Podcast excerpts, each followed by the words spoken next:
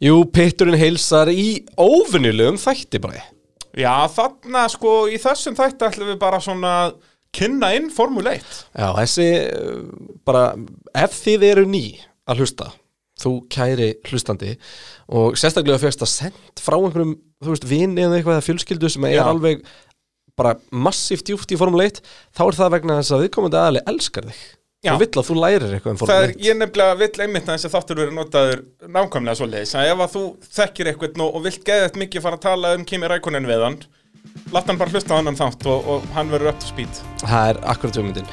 Um, Við ætlum að fara ekki um allt, við kannski bara jafnvel að kynna okkur og ímislegt og bjóða bara nýja hlustendur velkomna og náttúrulega formúlan bara í massa vexti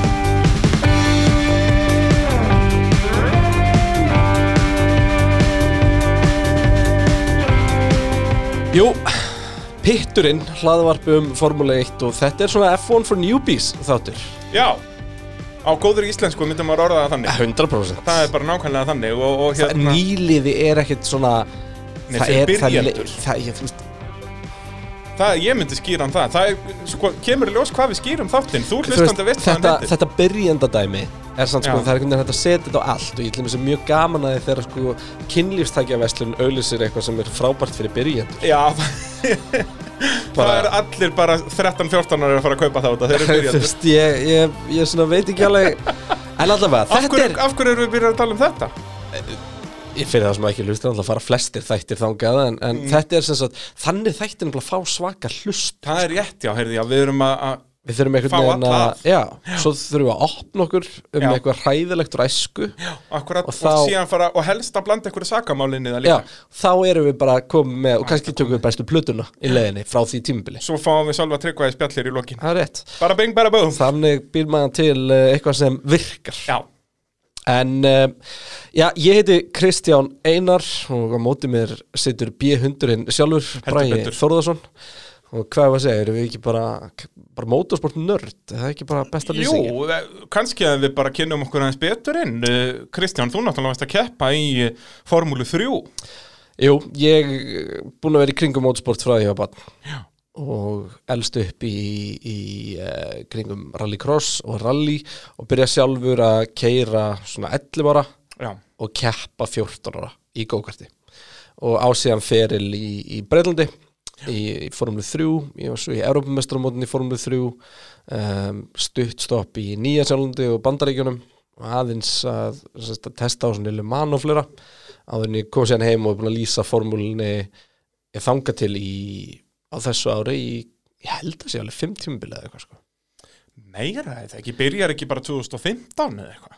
Jú, það er 2015 til Jú, 2019 það er, það er 5-6 ár. 5 ár Ég kann ekki að 2015, tala. 16, 17, 18, 19 Já.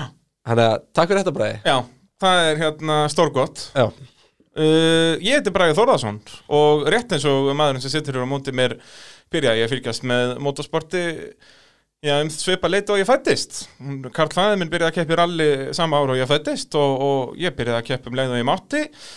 15 ára ma- getur maður verið aðstóra ökumæður í rally og, og ökumæður í rallycrossi þó að það sé reynda búið að breytast núna nú má keira 15 ára í rally og, og 14 ára í rallycrossi eða á 15 aldurs ári og uh, Já, er búin að vera í kringum motorsport, byrjaði með motorsport þættina á RÚV árið 2015 uh, og hef alltaf haft áhuga á Formule 1. Náttúrulega pappi var eins og allir aðra Íslendingar að kafi í sig í kringum aldamótin þegar Sjúmakar og Hakkinen voru upp á sitt besta. hvort þarf sjúmakar að hækkin? Sjúmakar maður. Varst þú þó sjúmakar maður? Já. Þetta er nú mjög gott því ég var hækkinum maður sko. Já, sko, pappi var Sjúmakar maður bara út af því allir vinnir hans voru Hakkinen menn og hann Ah. vildi vera bökkandi gæinn. Ég er enda fór mjög hrattur yfir að hækkinum maður yfir að Montoya maður og svo yfir að rækunum maður Ó, ég elska alltaf Ralf Sjúmakar, bara út af hjálmurinn hans var flottastur. uh, Gulli, var, módelum það Mick Sjúmakar kemur á sterkuri núna, hann verður með svipaðan.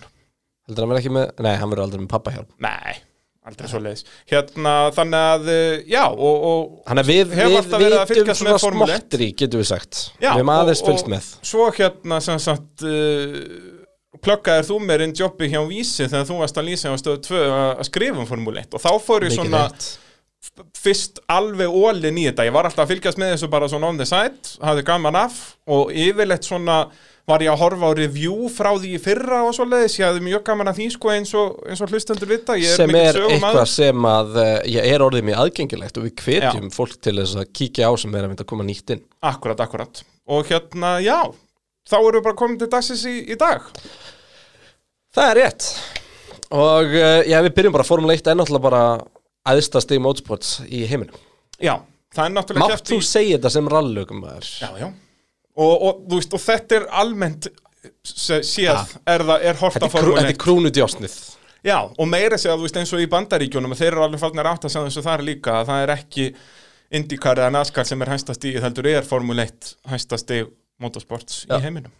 og það er margt sem að Formule er búin að gera á síðustu árum og minnst ekki ólíklegt ef að þú ert nýr hlustandi þú veist að koma inn inn eftir að hafa nýlega hort á Drive to Survive Já. til dæmis og það er svona sagt, kannski það, svolítið það sem er að gerast í Formule 1 hún er að opnast, hún er að verða aðgengileg hún er að, að færast nær áhverðanum og það er nákvæmlega það sem er að skila þessum vexti. Og því líki vöxturinn sem það er. Þetta er á, á mikill uppleið og, og eins og segi, sko, við þegar við vorum undirbúið þennan þátt þá vorum við mikið að velta fyrir okkur, sko hver er að hlusta núna? Og við ákvaðum að gera hennan þátt miðan við að hlustandinn viti það mikið um Formule 1 að hann veit hann horfði kannski eitthvað hér um aldamótin ef hann hefur aldur í það og hefur eftir Right to Survive, punktur. Já, það er svona markasópurinn sem við erum að, leitast eftir. Akkurat. Og viljum svo fá þig, kæri hlustandi með okkur bara uh, fremst í sófan heldur betur, lögata og sunda bara beng bara boom. Mikið rétt, mikið rétt. Um, Ef við byrjum bara að fara eins yfir bara keppnist fyrirkomulagið og, og keppnist helgina sérst, Formulan uh, keirir náttúrulega út um allan heim. Það eru uh, svona reglur og ég segi þetta en gæsalappa út af því að uh, það er, er leið til að fara framhjá þeim um hvert land meir er bara að halda eina keppni. Já, þannig að þú heldur bandarísku formúluna, þú heldur bresku formúluna eða ítölsku formúluna eða eitthvað álíka með einhver braut, en svo vill svo oft verða til Evrópu kappaksturinn eða eitthvað álíka sem er þá nummið tvö í því landi. En uh, eins og, já planið var fyrir þetta tímbil, þá voru að fara til 23 brauta í, að ég held 23 löndum var það upprænilega planið að við erum 23 löndum? Var ekkert land sem var tveisvar Nei.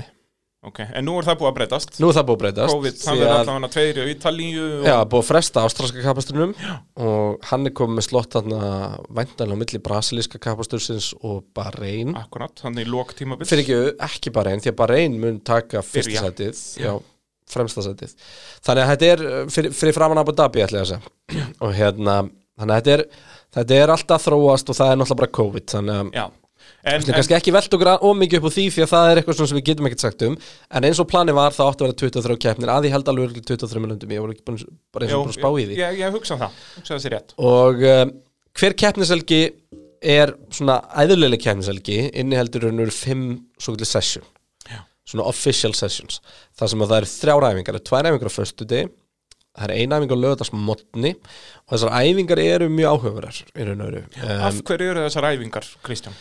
Æfingarnar eru bara einfallega fyrir liðin og aukumenn að koma sér af stað á brautinni, ég meina þú kemur á nýja braut og, og þú þarf bara að keira hana og þú þarf að prófa bílinn og þú þarf að sjá hvernig hlutin sem þú er búin að þróa og hanna virkiðar og stilla bílum upp. En nú hafa nú flest allir komið á þess að brautir áður. Búið að vera meir um það í síðustu árum já, já, en, en þú veist ég er bara að spyrja þig sem núbin sem veit ekki neitt um Formule 1 af hverju þurfa að vera að æfa sig sérstaklega núna þegar að lið sem kannski ekki allir Sko, það vita eru með væri- herma? Það væri hættulegt að henda þér beintu kefni já, það er beint í tímatökur. Já. Og þú þarft aðeins að prófa það áfram. Um, Það má hins vegar alveg færa rauk fyrir því að sérstaklega á brautunum sem eru mikið notaðar hafa verið í mörg mörg ár, Barcelona og eitthvað svona. Já. af hverju erum við með alltaf margar æfingar þar En, en, þetta vissulega kannski líka jafnar leikinn miðað við það sem hafa verið að keppa í 15 ári eða það sem hafa verið að keppa í og fyrsta það sem, að, það sem hefur líka gest á síðustu árum er það að það, er, það eru yngar aukaæfingar þú getur ekkert bara eitthvað farið og tekið dag einhver staðar eins og ég gerði í Formule 3 og, Já, já. og Formule 1 liðin gerðu grimt ég menna það eru sögur af því að Schumacher hafi flogið til Maranello og, og föstudagskvöldi. Mugello bara á föstaskvöldi til ekki nú hraður sko. Þannig Og þetta hérna er sérst, ástæða fyrir að það er ekki lengur svoleiðis að öll svona auka test og, og prófanir hafa verið bönnuð er bara kostnæðilega séð. Já, það var bara. Motorsport hefur alltaf verið þannig að svo að mestan pening getur unnið. Já. því miður.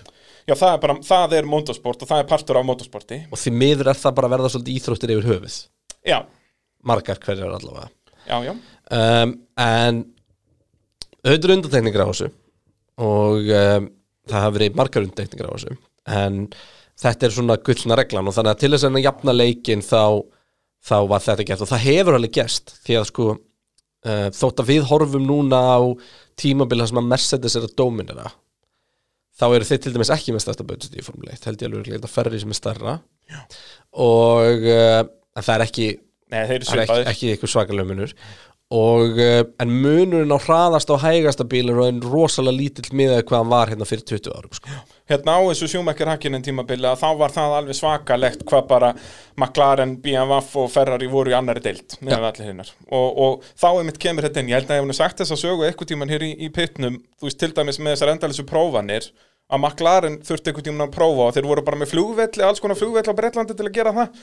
Og það var rigning og það gekk ekki, þeir voru að fara að prófa fyrir, fyrir þurft þannig að þeir keiftu sér held ég einhverjar 5-10 þyrlur legðu þyrlur yfir allan daginn til að fljúa lágt yfir brautinni til að þurrka hana. Nei, þú veist, út að þeir bara Ég það, þeir áttu pening fyrir því, skilur, þannig að það var bara hálfur dagur en bara l- lágt þyrluflug er allir brautinni, hún þurrkuðu upp og þeir farnir að prófa, notuðu halvan daginn í að prófa. eins og maður gerir. Já, þannig að það er búið að stoppa það núna með að það er bara sest, þetta eina test fyrir tímabilu og það er alltaf að minka og minka og minka, þetta var hérna fyrir nokkrum árum var þetta heil vika sem þeir fengu, núna er þetta nokkri dagar. Þetta er tvisasunum þrítagar núna. Já, en verður einu sem þrítagar enda fyrir 2021 tímabilið. Já, bara út af COVID. Já, út af COVID, spara pening og, og bílandur eru svipaðir. Þannig Þannig að þeir- það er semst konseptum með þessu er að, er að spara pening, en aftur í æfingarnar, þetta eru hérna þrjú engasessun. og sko það sem er raun og veru það, það getur mjög erfitt að lesa út úr æfingunum hvernig bílinni standa. Það gefur þeim sem vita mikið og sérslega þeim sem eru á staðunum mjög góð merki. Og þá er það alveg sko sérfræðinni sem að fara út á braut, fara út í beigunar og horfa bara á bílina virkar í gegn. Bara Já, ok, bara er hann, hann að eitthvað þungur er hann að sandbaka skilur og þá þarf hann eiginlega að hafa reynslaði hafa séð þann bíl áður í keppni og vita hvernig hann haga sér. Um, í FP1 hins var máttu láta annan aukumann kera Já, það er semst bara í fyrstu æfingu. Já, þannig að gefum okkur að ég sé stjóri McLaren og uh, pínlill B-hundur bankaði á dyrnar og hér og er mjög áhugaveru kostur fyrir sæti og get ég látið hann testa í FP1 Og og hefur séð FP1 þetta... stendur fyrir Free Practice 1 Já, er hérna, og við höfum séð þetta margóft. Hvað eru þeir annað að gera í þessum æfingum? Það þeir náttúrulega eru bæða að æfa sig fyrir hraðastarhingi tímatökum og taka race simulation og svo leys. Hvernig virkar þetta allt? Sko þeir dreifa tímanu niður og tíminn dreifist niður þetta, þetta fyrir eftir hvar þú ert og á hvaða tíma tímabilsu þú ert en þetta getur verið náttúrulega bara að prófa nýja parta Já, þegar þeir eru að koma data. kannski með nýjan Já. framvæng eða eitthvað svo leiðis Akkurat. að þá þarf að prófa það það virkar. bílarnir eru í stanslösi þróun og stanslösi smíði en uh, að, sérst, það sem að ég reyna alltaf að gera og, og prógramið fyrir æfingar er að vera í raun og veru fyrst bara með svona shakedown það sem eru bara, veist, það er mjög algengt að í raun og veru bílinn byrja að fara bara eitt ring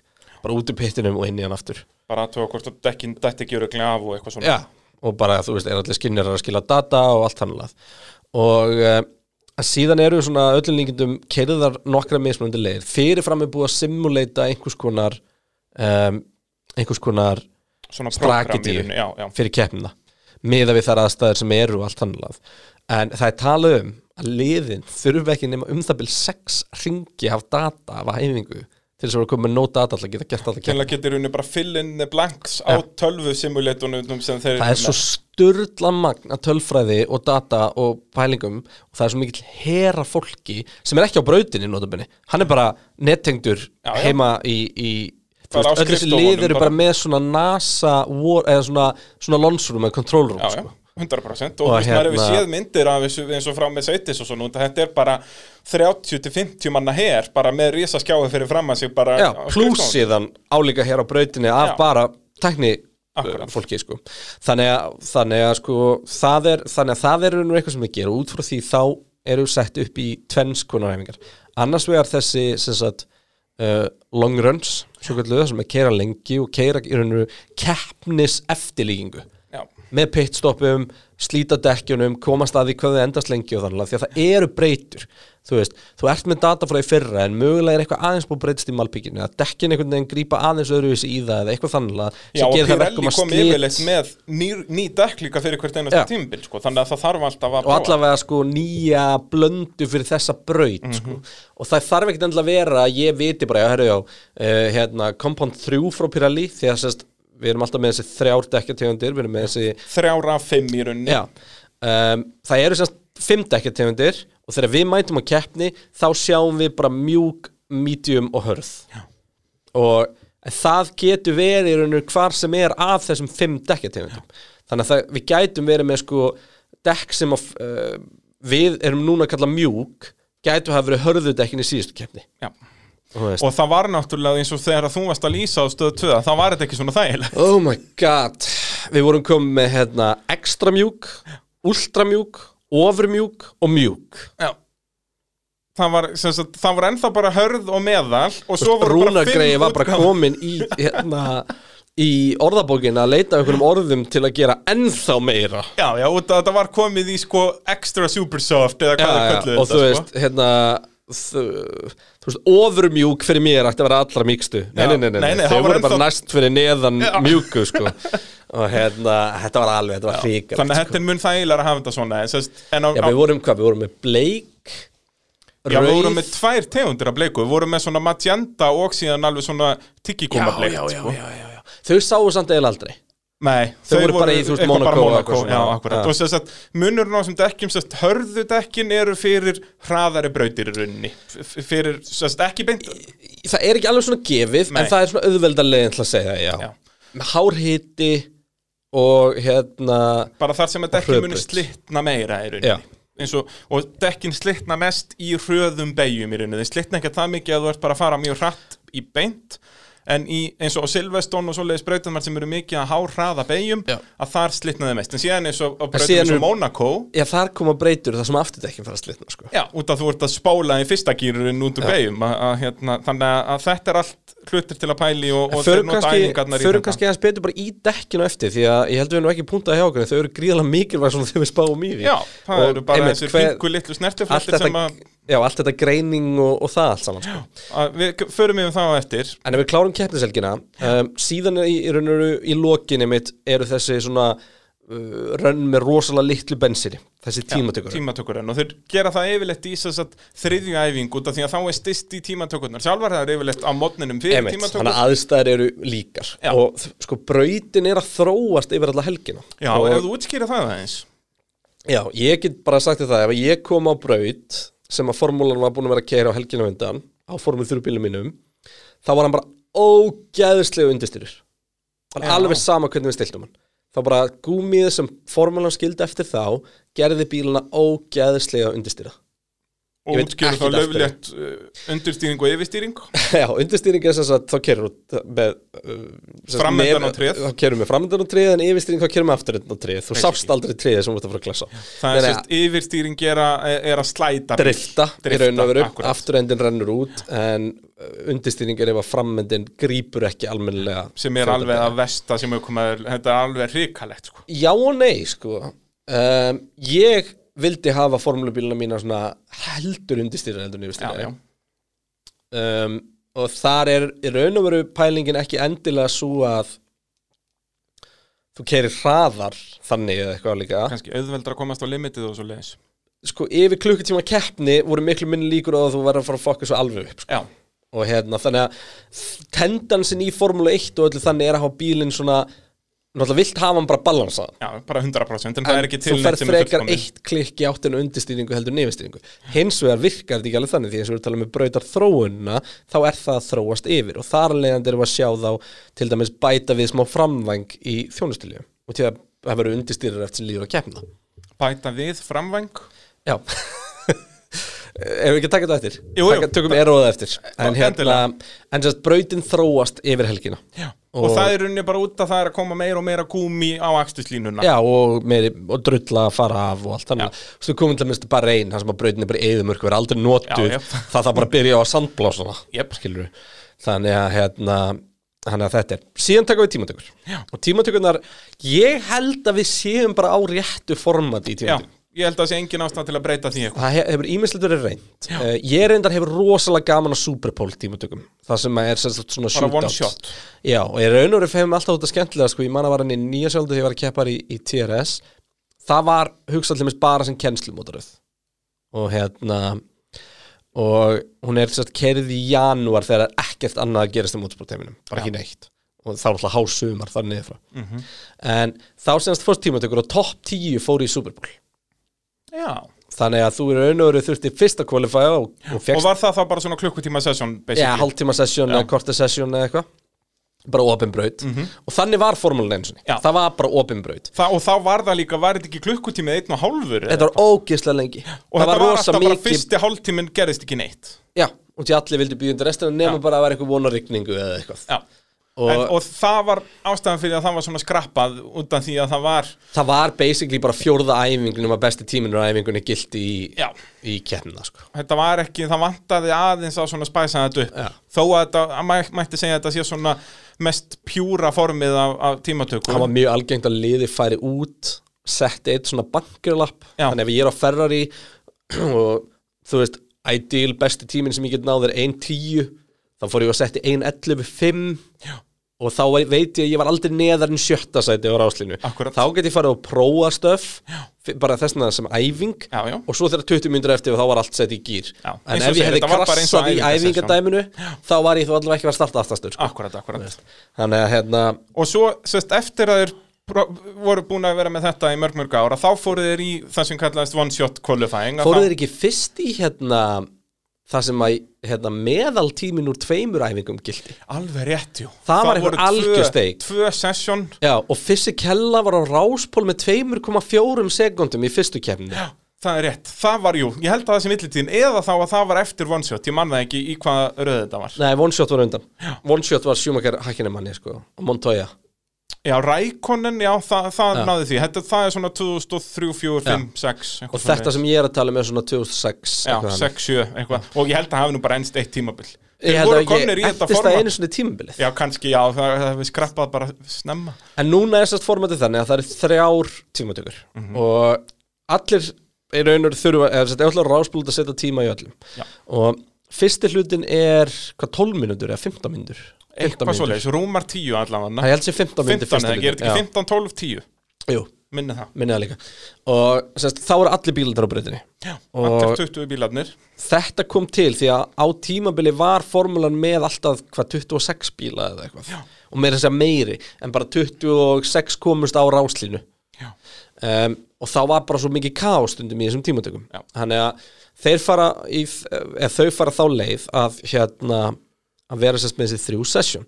Og þá er, er stemt að því að, að í raun og veru það fara allir út og það er ekkert mál. Það, þú, þú veist, það nánast gæti hver sem er komið Mercedes í gegnum Q1 já. Það er bara þannig. Af þetta eru hvað, neðstu fjórir sem þetta út, eða neðstu fimm? Já, ég ég þyrfti svona hálftíma í Mercedesnum til að koma honum í gegnum Q1 Já, því að þú ert einn og hálfur sekundu fljótari heldur já, já það, það, þetta þú er bara ekkert mál. En, en þá einmitt, en það sem þetta format gerir er að í lokin á, á fyrsta sessjónu er samt áhæfurt og þá ert að sjá hverjir er að fara dett út af þessum lélegri lið Já, og það sem að er raun og veru gerist þar er, er að neðstu fimm detta út. Já. og er næstu fjórir. Ég held að það sé neðstu fjórir. Það er bara- næstu fjórir, sorry. Og þetta er miða við í raun og veru að sé alltaf sex sem er að detta út en við náttúrulega erum ekki með jafn marga og þeirra reglum að sett. Akkurat uh, Fyrir ekki, já, það eru neðstu fjórir sem detta út. Þannig að 16 fara áfram inn í Q2 Q2 er hins vegar hefur aðeins meira vægi. Því að tíminn sem að þú setur í Q2 ef þú kemst inn í topp 10 þú ræsir á þeim dekkjum daginn eftir. Já. en þá sem sagt gerist það aftur þannig að það gerir 12 mínútur og neðstu 6 þetta út. Þannig að við höfum séð aukumenn til að gera frábært mót í því að lendi í 11. sæti og vera með frjálst dekkjavald daginn eftir Og það er einmitt bara til að spæsa þetta aðeins meir upp og, og það hefur líka virkað mjög vel finnst mér. Já, að- algjörlega. sest, Q2 verður aðeins meir Já, áhugavert. fyrir utan hvað mér finnst oft þetta eiginlega auka bilið á bestu og Já, ekki bara út af- McLarenin þurfti að nota mjúkudekkin til að komast upp í Q1 eða Já, Q3 já. áfyrirgjöðu en Red Bull og Mercedes gáttu bara easily farið í gegn á miðlusörðin ekki En er það ekki meira bara hvernig formúlin er núna frekar en formatið, skilur Jú, jú, en ég bara segja, formandi henda kannski ekki akkurat þessu elementi í formúlinni akkurat. þegar maður gerir það þá verkum að við erum með topp fjóra eða topp 6 bíluna morgunin eftir þeir bara keira sitt stint en hinn þurfa að fara í einhverja skrýtna strækiti Já, þannig að, en allavega, þannig að Q2 virka þannig þá fyrir við inn í loka og þar er bara guns out. Og þá er einmitt þetta beauty að það eru bara tíu bílar. Þá er þetta ekki eins og síðustu tíu mínútunar voru í eins og hálfstíma sessjónu henni í Já. gamla daga Þegar voru 24 bílar út á brautinu allir enn á besta tíma og og kannski best. fjara 5 sekundar munur á ringtíma hraðasta og Akkúrat, og besta sko. Og þú veist, sem ekki bara engan sens. Nei. Þannig að þarna er miklu minna kaos og þetta snýst bara um hver er bestur Ekki hver er hefnastur Þannig að, uh, já, svo á sunnudeginum uh, fer fram Keppni. uh, keppni. Og það er það sem allir vilja sjá.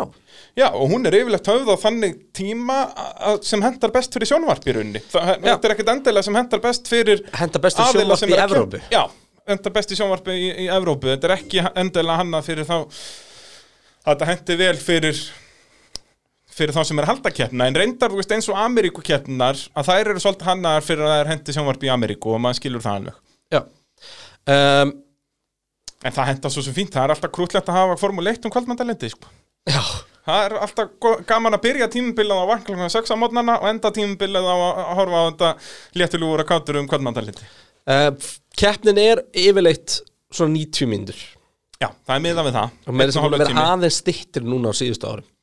Já, og, og, og, maxið sem Formule 1 keppni má vera eru fjórir klukkutímar, Já, er það samt ekki bara tveir klukktímar af akstri? eitthvað svo leiðis. Það er bara tveir klukktímar af akstri en það hún þarf að ljúka fjórun tímum eftir að eftir keppni að hann hefst byrja, já. Og þetta er náttúrulega út af það koma rauðflögg og svo leiðis. Og sögulega til þess að keppni sé Grand Prix þarf hann að fara yfir 300 km Já, og það er svona máli og það er ástæðan til að hann til veiti þess full stig, sko. Já, eða, eða til þess að hún flokki sem þetta Grand Prix sko, sem að Formule 1 er þá, þá þarf keppnin að vera 300 km En þú veist, núna hefur alveg, það var eins og bara í Malasíu 2009, að Já. þá var veitt hálfstig. hálfstig og til að það var bara ekki kerið nema eitthvað 60% keppnar Akkurat. algjörlega en, uh, en það er svona það er, það er pælingin og þar leiðandi til mis eiga hægar brautir ofta hættu með að klárast á tíma Já, já. Um, eins og Monaco og eitthvað þannig ef eitthvað kemur upp á á meðan að hraðarbrautir eins og Monza klárast á klukktíma og 5 minnundum eða eitthvað sko. Já, sko ég held að hraðasta Formule 1 keppni efer var einmitt á Monza hún var semst 1 klukkutíma og held í 10 mínútur Já, akkurat. og lengsta keppni efer var Kanada 2011 sem var 3,5 klukkutími Já. En er voru þar samt svona- ein besta Já, keppni já, tíma bara ef þið viljið horfa á á fullkomnu Formule 1 keppni og horfið á þessa keppni þetta er mesta, mesta staðar. styrlun sem ég veit um sko. Þetta er mín uppáðanskeppni efer Það er svo liðs það er bara til að Nei, á, ég að einhver Nei, nei, ekki, ég myndi ekki spóla Ég veit bara svona af hverju að það er, það er bara út af ákveðnum framúrækstri Já, já, svo, svo, já, jú, jú, það þetta var dásamt Já, en allavega, þannig að uh, þannig við kemni fram Já. og svo erum við þá veitt stig fyrir 10 sæti það hefur samt ekki alltaf verið þannig. Minna, Nei. Fram til Sest, svona sjúmakker hakkinin árun þá var þetta 10 steg fyrir fyrsta 6 fyrir annað 4, 2, 1 eða 4, 3, fram, 2, 1 það semst síðast árið sem að það var var 2002 Já, svo breyttu þeir í 10, 8, 6 Já, þannig að topp 10 nei, topp 8 fengur stig. Og þá var ekki sagt, verið að veljónum munum sérstaklega fyrir að vinna heldur bara, þá var alltaf tvö steg á milli þá sagði Bernie Ecclestone nei, nei, nei, nei, nei, nei, það er allt of lítill munur á því að vera sigurveri og uh, að vera í öðru sæti og Bernie Ecclestone var semst alvaldur formúlunar hérna áður fyrir í, Um, í svona 30 eða Já, 40 ár. hann er raunum maðurinn á baku uppvöxt formúlunar Já. En uh, árið 2010 þá förum við í það stigakerfi sem við þekkjum í dag eða næstu því þar sem að uh, já, 25 stigur er veitt fyrir fyrst sæti 18 fyrir annað svo 15 fyrir þriðja svo koma þau annað 12, 10, 8 6, 4, 2 og svo 1 fyrir tíundasæti það sem eins og að breytist uh, árið 2019 ég ætla að fara að segja í fyrra en það er Já, bara það ekki er 2021 kallið minn. Um, er að þá bætist við stig fyrir ræðasta ring Eitt bónustig. En þú verður að vera í topp 10 til að fá þetta stig. Þetta þetta er- Þegar ég fyrir að segja þetta svona þá er þetta, er fyrir að minna svolítið á svona Eitthvað gimmick, Já sko, svona bandaríst ef að það er fullt tungl þá þarf þetta að sofa á vinstri hliðinni til þess að sjá, þú veist, þetta er eitthvað svona Þetta er- ótrúlega margt. Og e, e, náttúrulega þegar að Bernie Ecclestone hérna seldi formúluna fyrir nokkrum árum síðan þá keftu Amerikanar hana þannig að þetta er mjög svona amerist kimmik og hvort sem að það sé gott eða slemt, þú veist, ég fíla þetta en vissulega er þetta að gera þetta floknara og ef við förum að missa okkur í svona þá mun það á endanum verða slemt, sko. Það er kannski, þetta er kannski ágætt transition ef við förum bara að tölum um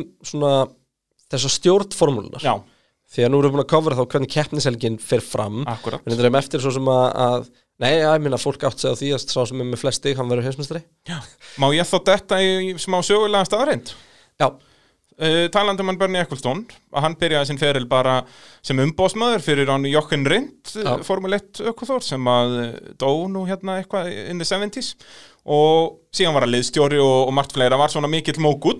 Og síðan hugsaði hann með sér þegar að það er byrjað að sína beint frá Formule 1 í, í sjónvarpi að heyri þetta nú eitthvað sniðut ég ætla að kaupa alla sjónvarsiréttina af öllum Formule 1 keppnum á eina miljón dollara. Og hann vissi náttúrulega og hann var það góðhjartaður að hann hugsaði með sér heyrðu, það er langt best ef að liðin bara eiga þetta saman og þá er þetta bara eitt unit og hann var líka formaður samtaka sest, að- fyrir fólk sem að Bílasmiða já, já. þannig að það voru tíu lið þarna. Hann hugsaði, bara fekk það alla á fund heyrðu, 100.000 dollarar og á, á lið og þá eigum við þetta allir saman. Og allir sem við fokkjú við hann að, veist, hvað er þetta spá? Er, við getum eitt 100.000 dollarum í að bara þróa bílum fyrir næsta ár og, og verið langt bestir, við erum ekki að fara að eða 100.000 dollarum í þetta. Síðan seldan þetta hérna 40 árum síðna hérna á ég veit ekki hvað mikið, 500 miljardar eða eitthvað, Ah. þú veist hann uh, alveg glórulust á liðunum að kaupa þetta ekki á honum en hann bauð allavega upp á það. Já og hérna, hann mjög fyndi að það er frábært eh, það er svolítið aðhlaðvörpum með formúlinu eitt af því er til dæmis hérna, haldið úti að formúlinu sem heitir Beyond the Grid Mhm. það er viðtalið Bernie Ecclestone sem er alveg stórkostlegt já, þetta er náttúrulega oft- stórkostlegu karakter sko. veit ég hversu oft hann segist bara vera bílasali Já, við erum náttúrulega líka að tala um skilur að þetta er kempa sem er, er hann verðandi er er nýorðin orðinn fæðir? faðir. Hann er orðin fæðir núna, og er hann ekki nýræður eða eitthvað? Jú, og hvað er ekki 50 eða 60 ár nei já, hérna elsta barnið hans var að fara á eftirlaun þegar að Þegar að yngsta var að fæðast. var að fæðast, já. Þannig að þeir geta að fara að leika sér í sengkassanum Já. á hrafnistu eitthvað tíman ja, skilur. það getur skemmtilegt Þannig að er, hann, þetta er bara þvílíka legendið, hann útrúlegur En uh, ég kannski eitt sem við glemdum að nefna hún að tala um stigakerfið að náttúrulega síðan tellið þessi stig sett, samtals ökumanna sem kera fyrir liðið fyrir liðið þannig að það er raunur tvær heimsmeistarakeppnir í gangi. Það er annars vegar heimsmeistarakeppni ökumanna og hins vegar bílasmiða. Og þótt að haldist oftast í hendur þá er það alls ekki gefið að, uh, Nei, nei. að sama lið vinni bæði. Þó að það sé oftast en ekki alltaf skilur Já. Þegar að Lewis Hamilton vinnur sinn fyrsta titil að þá verður Ferrari meistari bílasmiða, Já, og þegar að uh, Kimi Rækonen vinnur fyrir McLaren Ferrari þá verður McLaren. Nei, en síðan voru McLaren dæmdur út. Já, það er ekki það er En þeir höfðu orðið meistar. Þeir hefðu orðið meistar, það er rétt. Þess vegna ræsir uh, Hamilton með rásnumur 22 á bílum sínum árið eftir. Já, Og alveg sama gerðist svo árið eftir Það var aftur breytið með rásnumur 22 sem var meistari. Já, Sturlu staðrind já. Alltaf að En- spyrja mig hvaða breytið það var Jenson Button, þú veist það alveg. Ég veit það Fyrir hérna- brón liðið og það var út að það var nýtt lið og þá voru þeir, og þá kannski getum við talað um númerin á ökumununum og þarna var það bara þannig ef þú varst semst liðið sem var meistari, þeir fengur ást númer 1 og 2 og svo framvegis, núna er það þannig að hver ökumæður velur þeim bara númer og er með þann númer allan sinn fyrir. Ég fíla það Já, það er geggjað, ég fílaði 100%. Því að sko Ég skildi alveg hitt Já, já, bara svona að Það sína hverju bestir. já. Já, já, Og ég minna þú veist eins og í gegnum minn go-kart feril þá kerði ég alltaf bara með númerið sem ég lendi í sætinu til Akkurat. Íslandsmeistara árið á undan en um, það er bara miklu svalara LH44 skilur Já, við, já. þú veist og eitthvað svona En- það minnir bara á um- CR7 eða, eða Valentino Rossi 46 skilur akkurat, akkurat. En talandi um þetta, sagt, ríkjandi heimsveist má vera með ást númer 1, Já, Lewis þú má- Hamilton hefur bara aldrei val, Já, valið það má enginn held ég velja að vera nummer Nei, 1 nei, nema ríkjandi heimsmeistari. það er alltaf sérst, tekið frá fyrir heimsmeistaran en þú sem heimsmeistari mátt líka alveg halda bara þinni tölu og núna hefur Hamilton verið svo oft meistari að maður gleymir þessu sko.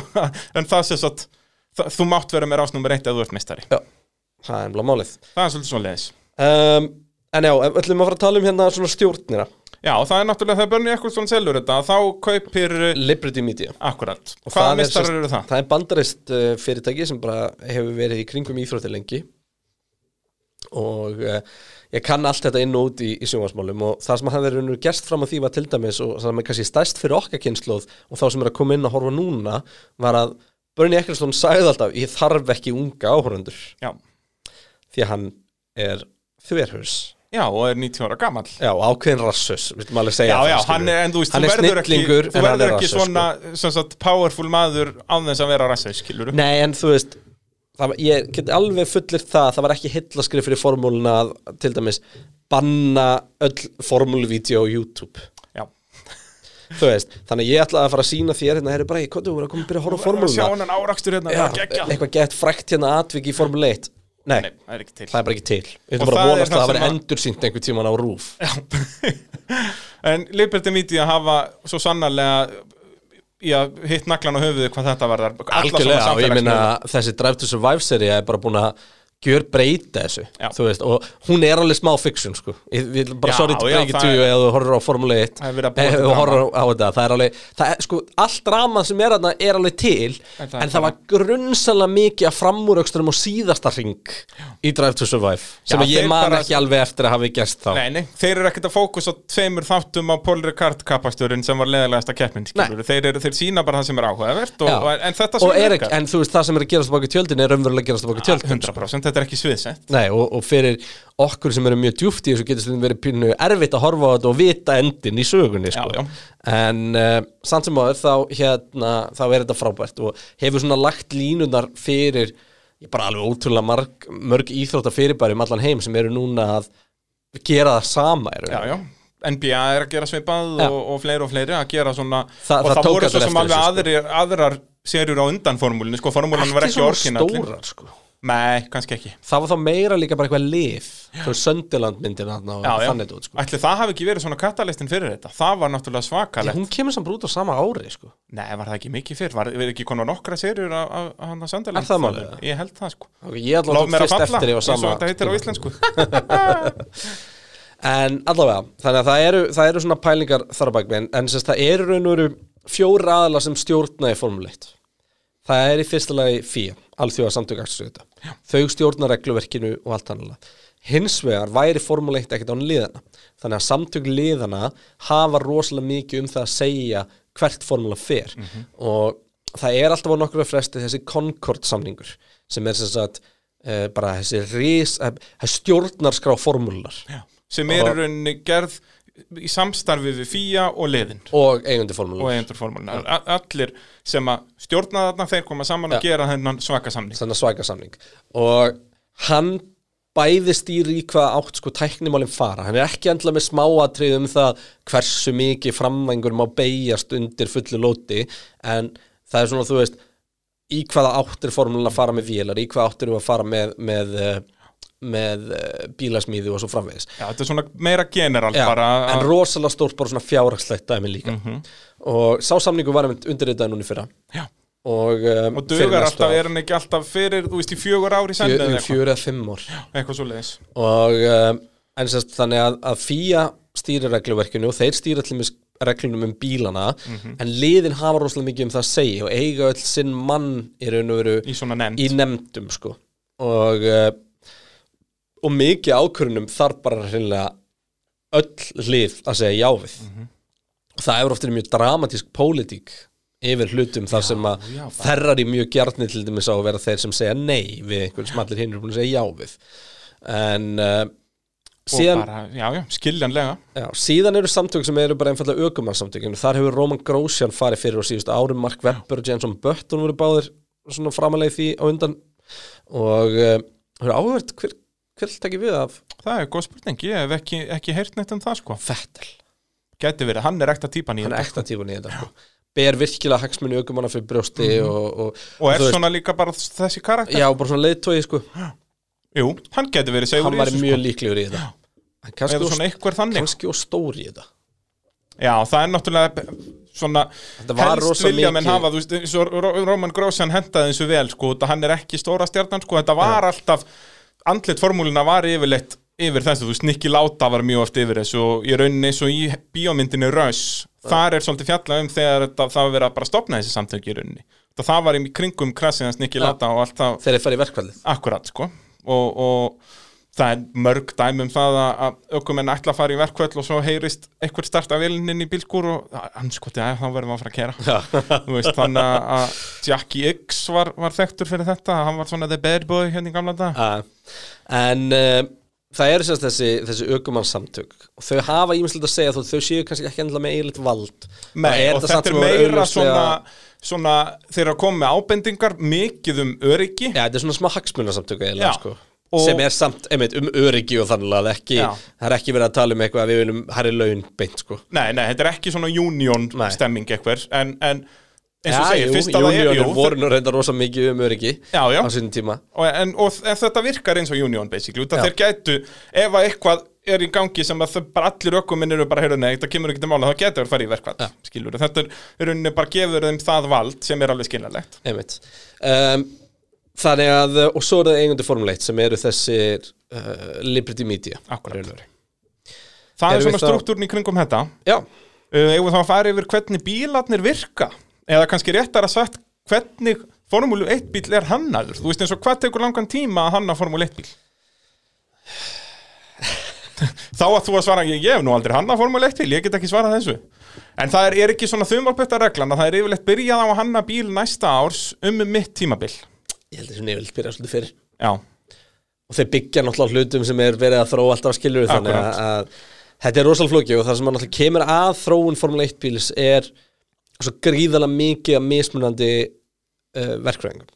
Og ég raun og veru sem þurfa að vinna saman í einni symfóníu Eh, Já, og ef við sjáum til mis og, veist, og, og bílar henda aukumennum misvel og það þarf að hanna á fyrir aukumennina og, og það er svona, það er alls konar í þessu. Og til dæmis eitt af því sem við erum að sjá núna hjá í klúrinni á Ferrari er að þeir dreifðu ábyrðinu alltaf marga.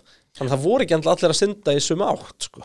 Nei, þá er, þú veist, kemur þessi klassíska vandamálskilur að, að það er einn hann sem að sér um hanna vélina. Og hún er frábær fyrir eitthvað ákveðið. Já, hún er alveg, alveg frábær en þarf svona stór gött fyrir loftintökin og þá er bílinn komið allt í hennu allt og mikið drag og gæinn sem er hann á bodyið vissi ekki að þessu fyrir að er bara vikað í keppni og, og bílinn verður lélugur Ja.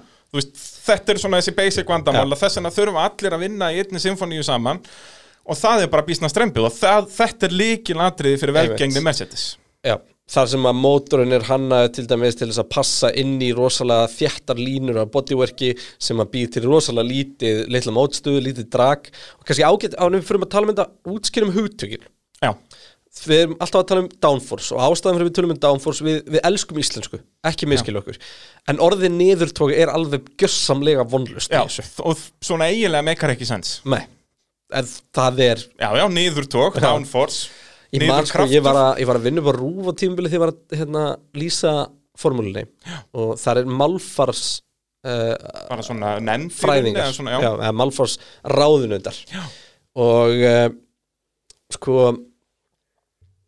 ég áttaði maður því ég kom frá Englandi ég kunni bara kappastur á veist, undercut, overcut uh, Oversteer, understeer. oversteer, understeer já, Drag. und, undirstýring og yfirstýring var nokkuð sem maður kunni en þú veist, drag, downforce uh, og Já, ég man bara hérna eftir að lendi í vandræðin þegar ég var að skrifa fyrir vísi með Já. þetta sko. veist, þannig að það var, það var alls konar svona hlutir og ég var mjög reglulega að spyrja og, og eitt af því sem ég spurði var með downforce.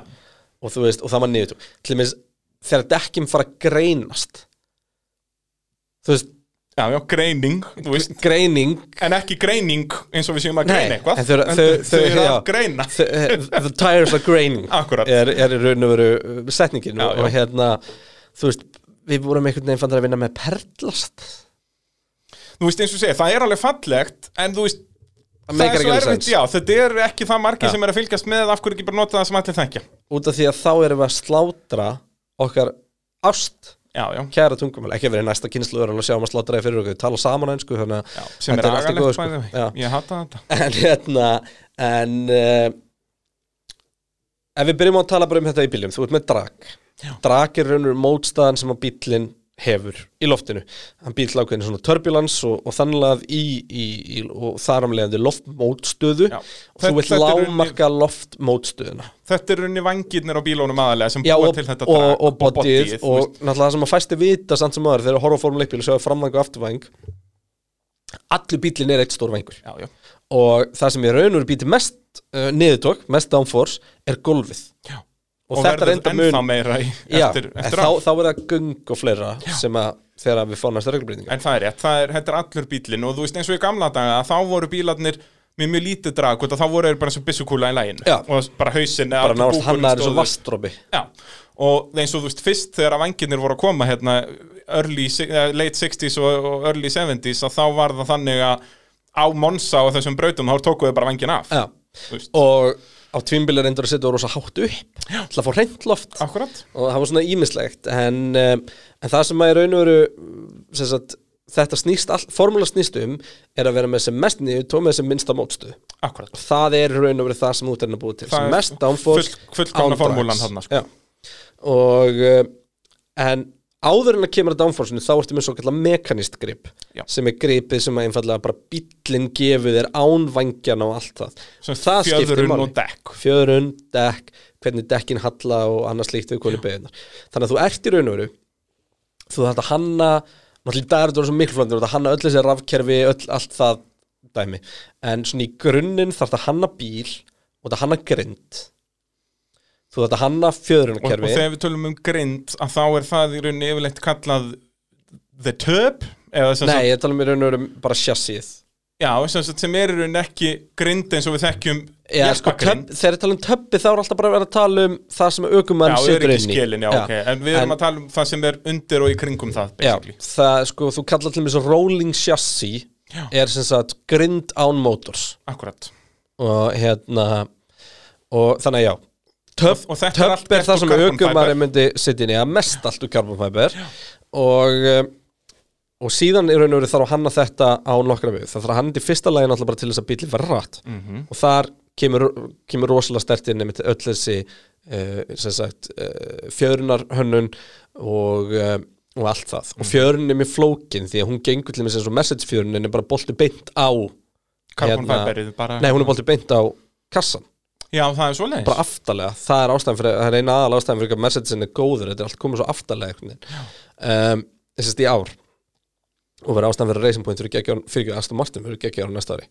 Um, en þú síðan þegar þú er búin að þessu þá þarf að fara að hanna allt eroið og þessi búin að allt gert á sama tíma. Mhm. en ofan að þetta allt saman þarf að hanna bílinn þannig að hann við uh, sest, höndli krass á 330 km hraða Já. og, frá það er öllum áttum Efst á öllum lista sem sagt, yfir, yfir hvað þarf að gera hönnunarlega séð þá er alltaf öryggi efst Já. og fara hratt er alltaf nummið tvö og ástæðum, það eru tvær ástæði fyrir því að það er svona leiðilega ef að fólk verður að dega hægri vinstri og nummið tvö þú farið ekki sem fór á brautina nema þú komist í gegnum þau, þær prófanir þannig að samanköpa hann að flottan bíl ef hann stóðst ekki í krasstestið og trúðu mig þessum bílum er krassað sko. krasaði í alvörunni, Já. þetta er ekki, það er ekki verið að stóla á ykkur að tölvu Nei.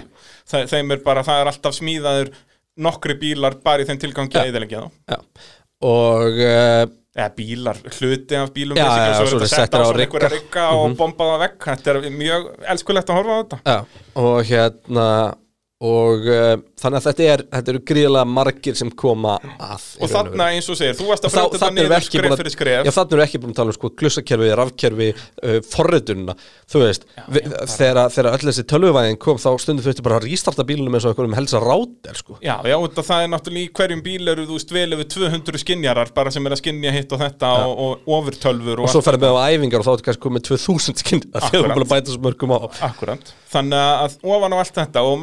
2000 skinn að þegar við Akkurat. búin að bæta svo mörgum á Akkurant, þannig að ofan á allt þetta og málið að ok, þetta meikar pínu sens ef þú bara tekur þetta svona skref fyrir skref en þarna eins og þú sagðir áðan að þeir vera að gera þetta allir á sama tíma á á Einmitt, einu ári, já, ég segi það og, en og það er ástæðan fyrir því að þegar COVID til dæmis mætir og, og hérna breska ríkistjórnin er bara í vandræðum og til að þeir sjá bara fram á að þurfa bara þúsund öndunarvélar viðbóti eða eitthvað, þá leitu þetta formule 1 liðana Jep. og hvað gerðu þeir? Á sex vikum voru þeir búin að smíða og deila Já, og- mótilunum framleiða SSD, já, og já, deila mótilunum þannig að hvaða framleiðandi sem ekki að tappað inn á það Já. og, og gert þetta í sinni vesmið þú þarf bara eitt CNC fræsi og málið stendu eitt skilur og bara þú veist og það trúður enginn. Nei, En þetta, er það sem bara, bara... þetta er það sem þetta leikir. Bara kappakstus verkfræðingar eru svölustu verkfræðingar í heiminum. Jep. því að þeir hanna, testa og rönna á innan við viku. Það er eins og ef það myndi núna koma þriði heimsturöldin að þá eru þessir verkfræðingar þeir fyrstu í röð til að vinna fyrir herinn. 100% bara það er staðfest bara ef að kemur bara einhver svona þú veist, bara, einmitt, bara all out heimsturöld Já, já. þá er þetta liðið sem að er þið sótt nummer eitt inn í það sko. Það er bara akkurat þannig þetta þeir geta þeir eru í stríði líka. Já, já, það er bara, þetta er akkurat þannig. Og það er, er bjútið við Formule 1 og þess vegna fíla ég Formule 1 frekar en mótaraðin sem allir eru á sömu bílum og svoleiðis að mér finnst tækni stríðið alveg jafn áhugavert og stríðin á breytinni Alveg sammála því. Alveg sammála því. Og það er alltaf talað með að þú vinnur bara áttu bestu bílum. Það er alveg rétt. Já. En bestu aukumærin fara alltaf bestu bílinn. Já, já, og, og það er bara partur á prógraminu að að hanna besta bílinn. Það er alveg jafn áhugavert og að vera bestur að keira bílinn. Og svo er það Fyndna í þessu Að meira þess að þú farin í Formule 3 Bílinn minn var betri heldur en flesti hinnur á var í besta liðinu sko. Já, já, þó að þetta sé sem sagt það sem köllu Já. customer seria Þú veist, við áttum vindgöng sko. Já, akkurat. Þannig að þetta er alltaf það opið að þú getur verið með mismunandi vangi og svo Já, Við vorum með gamla hérna stúrt Ford facilityð Já, Þannig sem að var hérna Jaguar og, Já, og, og, og að- Red Bull. Já, En það, ég held að þegar að Stuart hættir Ég held að sé allt Þeir fara hann upp til Milton Keynes þá Verða Jaguar sem verður svo Red Bull. Uh, hérna vélarnar sem eru í rauninni ekki vélar núna ég ætla að uh, sko útskýra þetta löflétt og, og reynið að sopna ekki hlustendur góðir. Og þetta er svo kallu power unit. Já, það er ekki hægt að tala um þetta sem vél lengur. Nei, það er e e einn af sex pörtum af þessu er, er vélinn Sest, Þessi hefðbundna sprengirheifilsvél sem við að þekkjum og hérna samanstendur er sex hlutum, já það er VAF 6 bensínvél, hún má mest snúast upp í 15.000 snúninga og ég rauninni ekkert liður lætur hún að snúast hún mikið út af því að þegar þessar reglubreitingar komaðan 2014 þegar þetta power unit kom inn að þá, semst þetta eru turbovélar og það er ekkert, það er vinna besta á lægri snúning heldur en 15.000 en Og svo það láta renda störli lengi. Já, og núna eru bara þrjár vélar leifðar að hverju tímabili.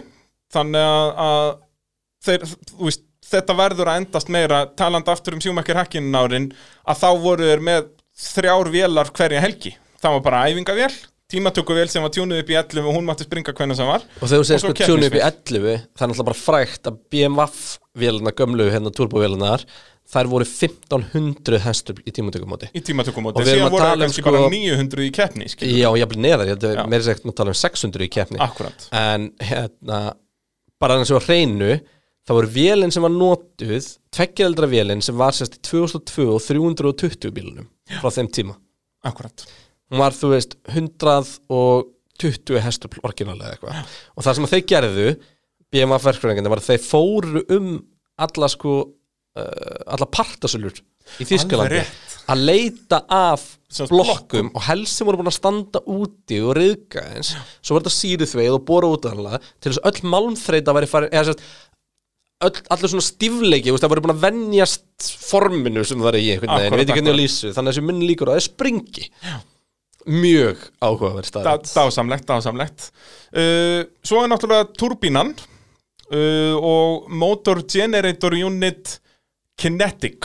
Já, það er sérst Sem tvö svona Það eru svo tvö energy recovery Já, system. Og það er annarkvort sem það er annars vegar með sem þú nota bara orkunna sem er frá, frá hreyfandi hjólum Já, bara þegar það er verið að hægja á sér eða bremsa. Alveg eins og raun og hybrid kerfi í hefbundu bílum sem að notabene var þróað í formúlun og til dæmis ástæðan fyrir að Toyota voru svo framalega Mhm. í því bara í gödubílum var að þeir voru fremstir í því í formúlu 1 Akkurat.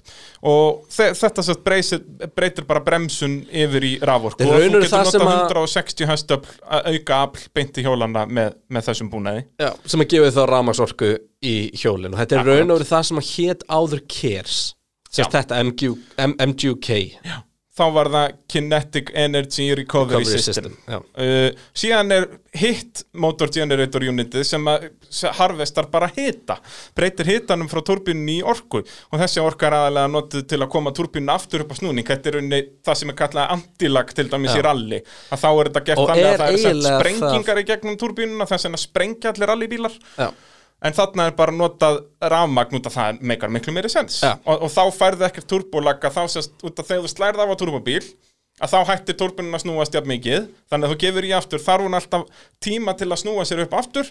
En ef það, hún veit að já, við erum að fara að gefa eftir smá sendum rafmagsmótorinn að gefa henni smá boost að þá færðu allt powerið þitt um leið og gefur aftur í, þannig að það er ekkert turbolag og uh, MGUH er sennilega það sem er oftast að bila. Já, það er flokknasti búnaðurinn í þessu. Og svo bara Energy Store sem er bara batterið fyrir sagt, orkuna sem að þess, að, þetta fer allt í gegnum batterið Eh, orkan sem þú sapnar skilur við að bremsa fyrir eina beigju og þú notar hana ekki beint á næsta beinakablega þannig. Þetta fer alltaf í gegnum allt sístemið og eins og segi er gríðarlega flóki og þess vegna nenni ég eiginlega ekkert að tala um þetta. Og svo er bara kontrollbúnaðurinn bara tölvubúnaðurinn sem sér um að tengja þessu öllu og láta þetta allt virka. Þannig að þetta eru þessir, þessir já, sex uh, mismunandi hlutir sem að gera eitt power unit í formúlu 1 uh, ef við þá að fara að tala um hvernig liðin virka, Kristján?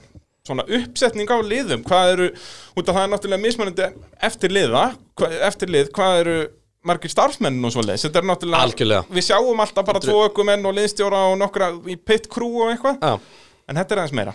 Það er brota brot af þeim sem að raunverulega koma að liðinu. Já, og uh, ég ein af ástæðinu fyrir því til dæmis hvað Mercedes-liðinu gengur vel er það að liðsandinn í þessu liði er styrlaður og svona struktúrin. Þeir Já. hafa fundið eitthvað fullkomna blöndu yfir að láta alla vinna svo vel saman. Já, algjörlega. Þú ert með í raun og veru lið af, og við byrjum bara á, byrjum bara á uh, brautar hluta liðsins. Já, Þá ertu náttúrulega með tvo kemnisökumenn Já.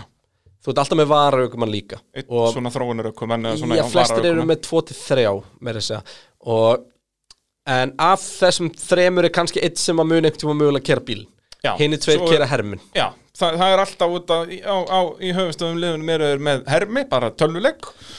Og, Finnst rúmlega bara töluleik Já, já, en sem sagt, þetta, þú ert bara að sitja, þú situr í, í helming af bíl og ert með alvöru stýrið og allt svo leis og, og ert að horfa að skjá í rauninni. Hermin er bara ekkert ólíkur því sem við sáum leiftum að Queenie í Cars 2 Já, Eða Cars nákvæmlega. 3 Kars 3 eða ekki, jú.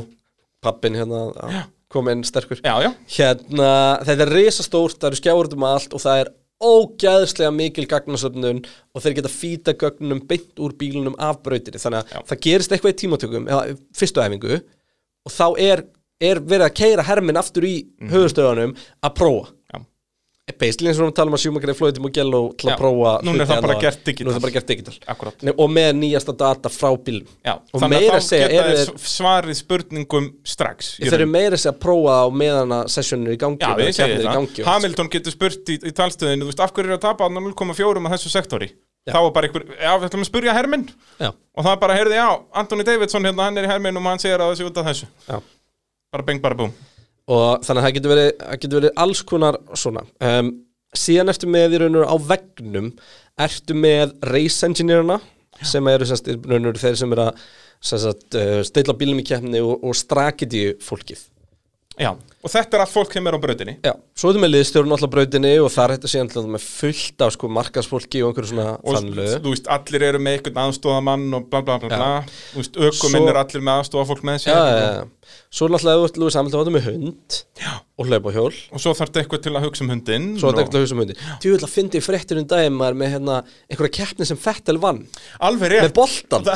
Með með Hann gaf Gaf Roscoe Rosco svona squeaky Já, bolta. sem að gefa mikið læti og hann letur ekki vera allan nóttin og ég heldur vikum og, og Hamilton gæti ekki sopnað og svo endaði viðtalið á Vettel. Já, ég mann og ég vann þessa keppni.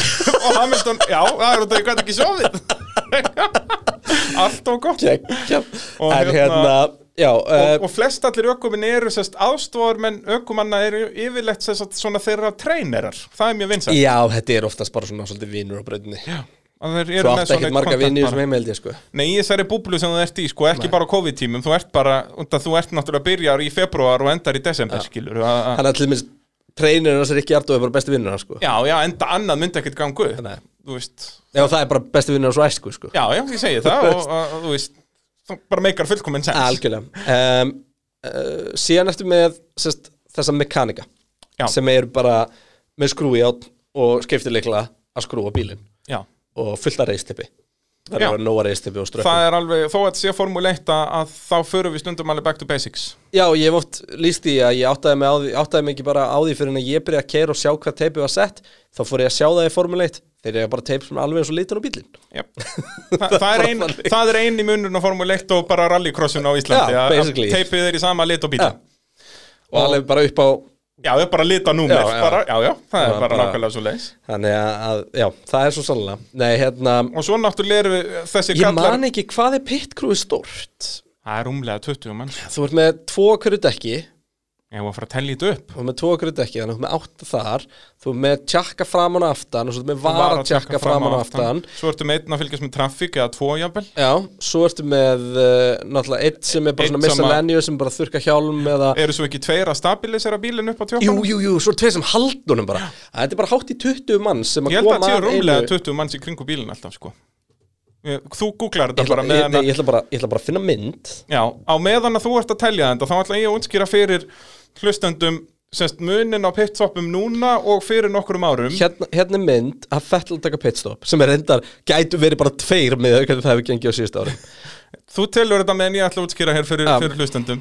Hérna, þá var þessi frægi lollipop maður sem var bara með svona skilti og svo snýr hann því í hálfring og þá kom reddi og svo lift hann því upp og bílinn fór. Núna eru þessir menn farnir en það var mjög oft slísi kringum þetta og það var náttúrulega mjög oft orðið slís á þjónustusvæðinu sem við verið að keiri yfir þjónustumenn og, og fleira. Uh, Núna er það bara þannig að allir sem, sagt, sem er að vinna í kringum bílinn eru með takka eitthvað starf á sér. Á byssonum sem þeir nota til að herða dekkin, þar eru takkar. Maðurinn sem er að fylgjast með trafíkinni þar, hann er með takka og um leið og allir eru búin að íta takkan þá þýðir það allt, að það sé búið að gera allt og þá kemur bara grænt ljós fyrir ofan ökumannin og hann fer af stað þannig Já. að þetta er rauninni fullkomni system út af því að þetta eru, þú veist, ég veit ekki ábygglega átta takkar eða eitthvað svo leið sem allir verða að vera búin að íta á og þá er, er allir komnir frá og þetta gerist miklu hraðar heldur en ef einhver lollipop maður var að fylgjast með þessu live. Þannig að þess vegna erum við að fá þessi pitstoppu núna kominir í 1,8 sekundur um, Þetta eru 21 21, Já. það, er, það tók Ég- bara ég- tvær mínútur að tella upp á 21 Ég glemdi því að uh, það eru þrýr okkar í dekki Já, er svo ekki líka eitthvað þú veist eins Nei, og að stilla það er alltaf bara einn að skrúa og einn að setja og Einn að taka af og einn að setja á. Akkúrat. Jú, og svo ertu með, sko, þú ert með fjóra að framan, sko og svo ertu náttúrulega með vara skrúara líka Já, ef að það fyrra, þurfa fyrri tvær byssan byssur, klikkar. Akkúrat. Þetta er alveg Þetta er magnað Þetta dæmi. er ótrúlega dæmi. En þessir gæjar sem eru sér satt pitcrew, ekki bara gæjar, það eru lið líka með stelpur í þessu, aðalega eh, Racing Point eða Aston Martin, þeir, þeir eru duglegir að vera með stelpur í þessu líka, að þetta er náttúrulega síðan bara liðsmenn, þau, þau hafa ö- öðrum hlutverkum að gegna allt- allt ekki frá á kennistegi, sko. Já, og, og Þetta getur verið bara, bara, trukkarar eða, eða hvað það er, sko. og, og þú veist og svo ertu náttúrulega með bara, sko á bak við liðin, þú veist, ert með þú ert örgulega með svona 80 manna krú með hverju liði myndi ég halda Ég hugsa að fara ekki yfir það 80 með Á- sem á sagt- brautinni. Á, á brautinni, já, já. Ég hugsa meir ekki um mikið meira en það, Nei, sko þetta er náttúrulega þau fá bara eitt bílskúr, þó hann sé svolítið og stór. svo risastórt mótorhóm bakið Já, sem að þeir setja upp, skilur, en á brautinni er, veist, og það þarf, það þarf örgulega 20 endalaust manns til að operera það. Já, já. en bara svona logistically, bara fluttningur og annað, það er bara humongous hausverkur sko. Já, ég man að ég sá eitthvað svona behind the scenes vídeo frá Mercedes að þau eru með heldur tvær eða þrjár manneskjur bara í að skipuleggja logistics, Já. bara sem Og eru á og skrifstofu bara set, skipuleggja. sko. Já, akkurat. Já, það er ekki sama fólkið. Nei, nei, nei, því það er saman fólkið sko, en þau eru með þrjú sett af þau eru með tvö sett af keirandi brautar Já, já, ég segi það, það þú er veist- alltaf róterandi í já, rauninni. og svo eru þau með eitt svona flyaway set. Já. og hérna, og það er bara 7 fyrir 7 þóta sem er bara stöppuð af og hún bara flýgur á milli brautana Já, ég mynda líka bara hausverkin að vera út að það þarf einhver að bóka hótel fyrir þetta allt og, og Já, já, borga í já. þessi göng fyrir þessa trukka og bóka þessi flugðúst, þetta er endalus hausverk endalega sko. Þannig að það Þetta er ekkert bara að lítið flutnings, eða ekkert lítið, þetta er bara þokkulega stórt flutningsfyrirtæki. flutningsfyrirtæki sko. að, Þannig að- hérna, en það, þetta er líka munurinn á liðum að, að lið eins og Haas að þau eru með mikið færri manneskjur, það er kannski svipa margar á brautinni en síðan eru þau kannski með bara 100 manna krú upp á skrifstofu ef það nær því á meðan að Mercedes eru með 1500 manna krú veist, það, og, og, Ertu þá að plúsa saman véladeldina og brakledeldina? eða? já, er það ekki, er ekki um að Mercedes eru með samtal starfsmenn eitthvað rúmlega 2000 Jú, ég held og þá er verið að plúsa allt saman Já.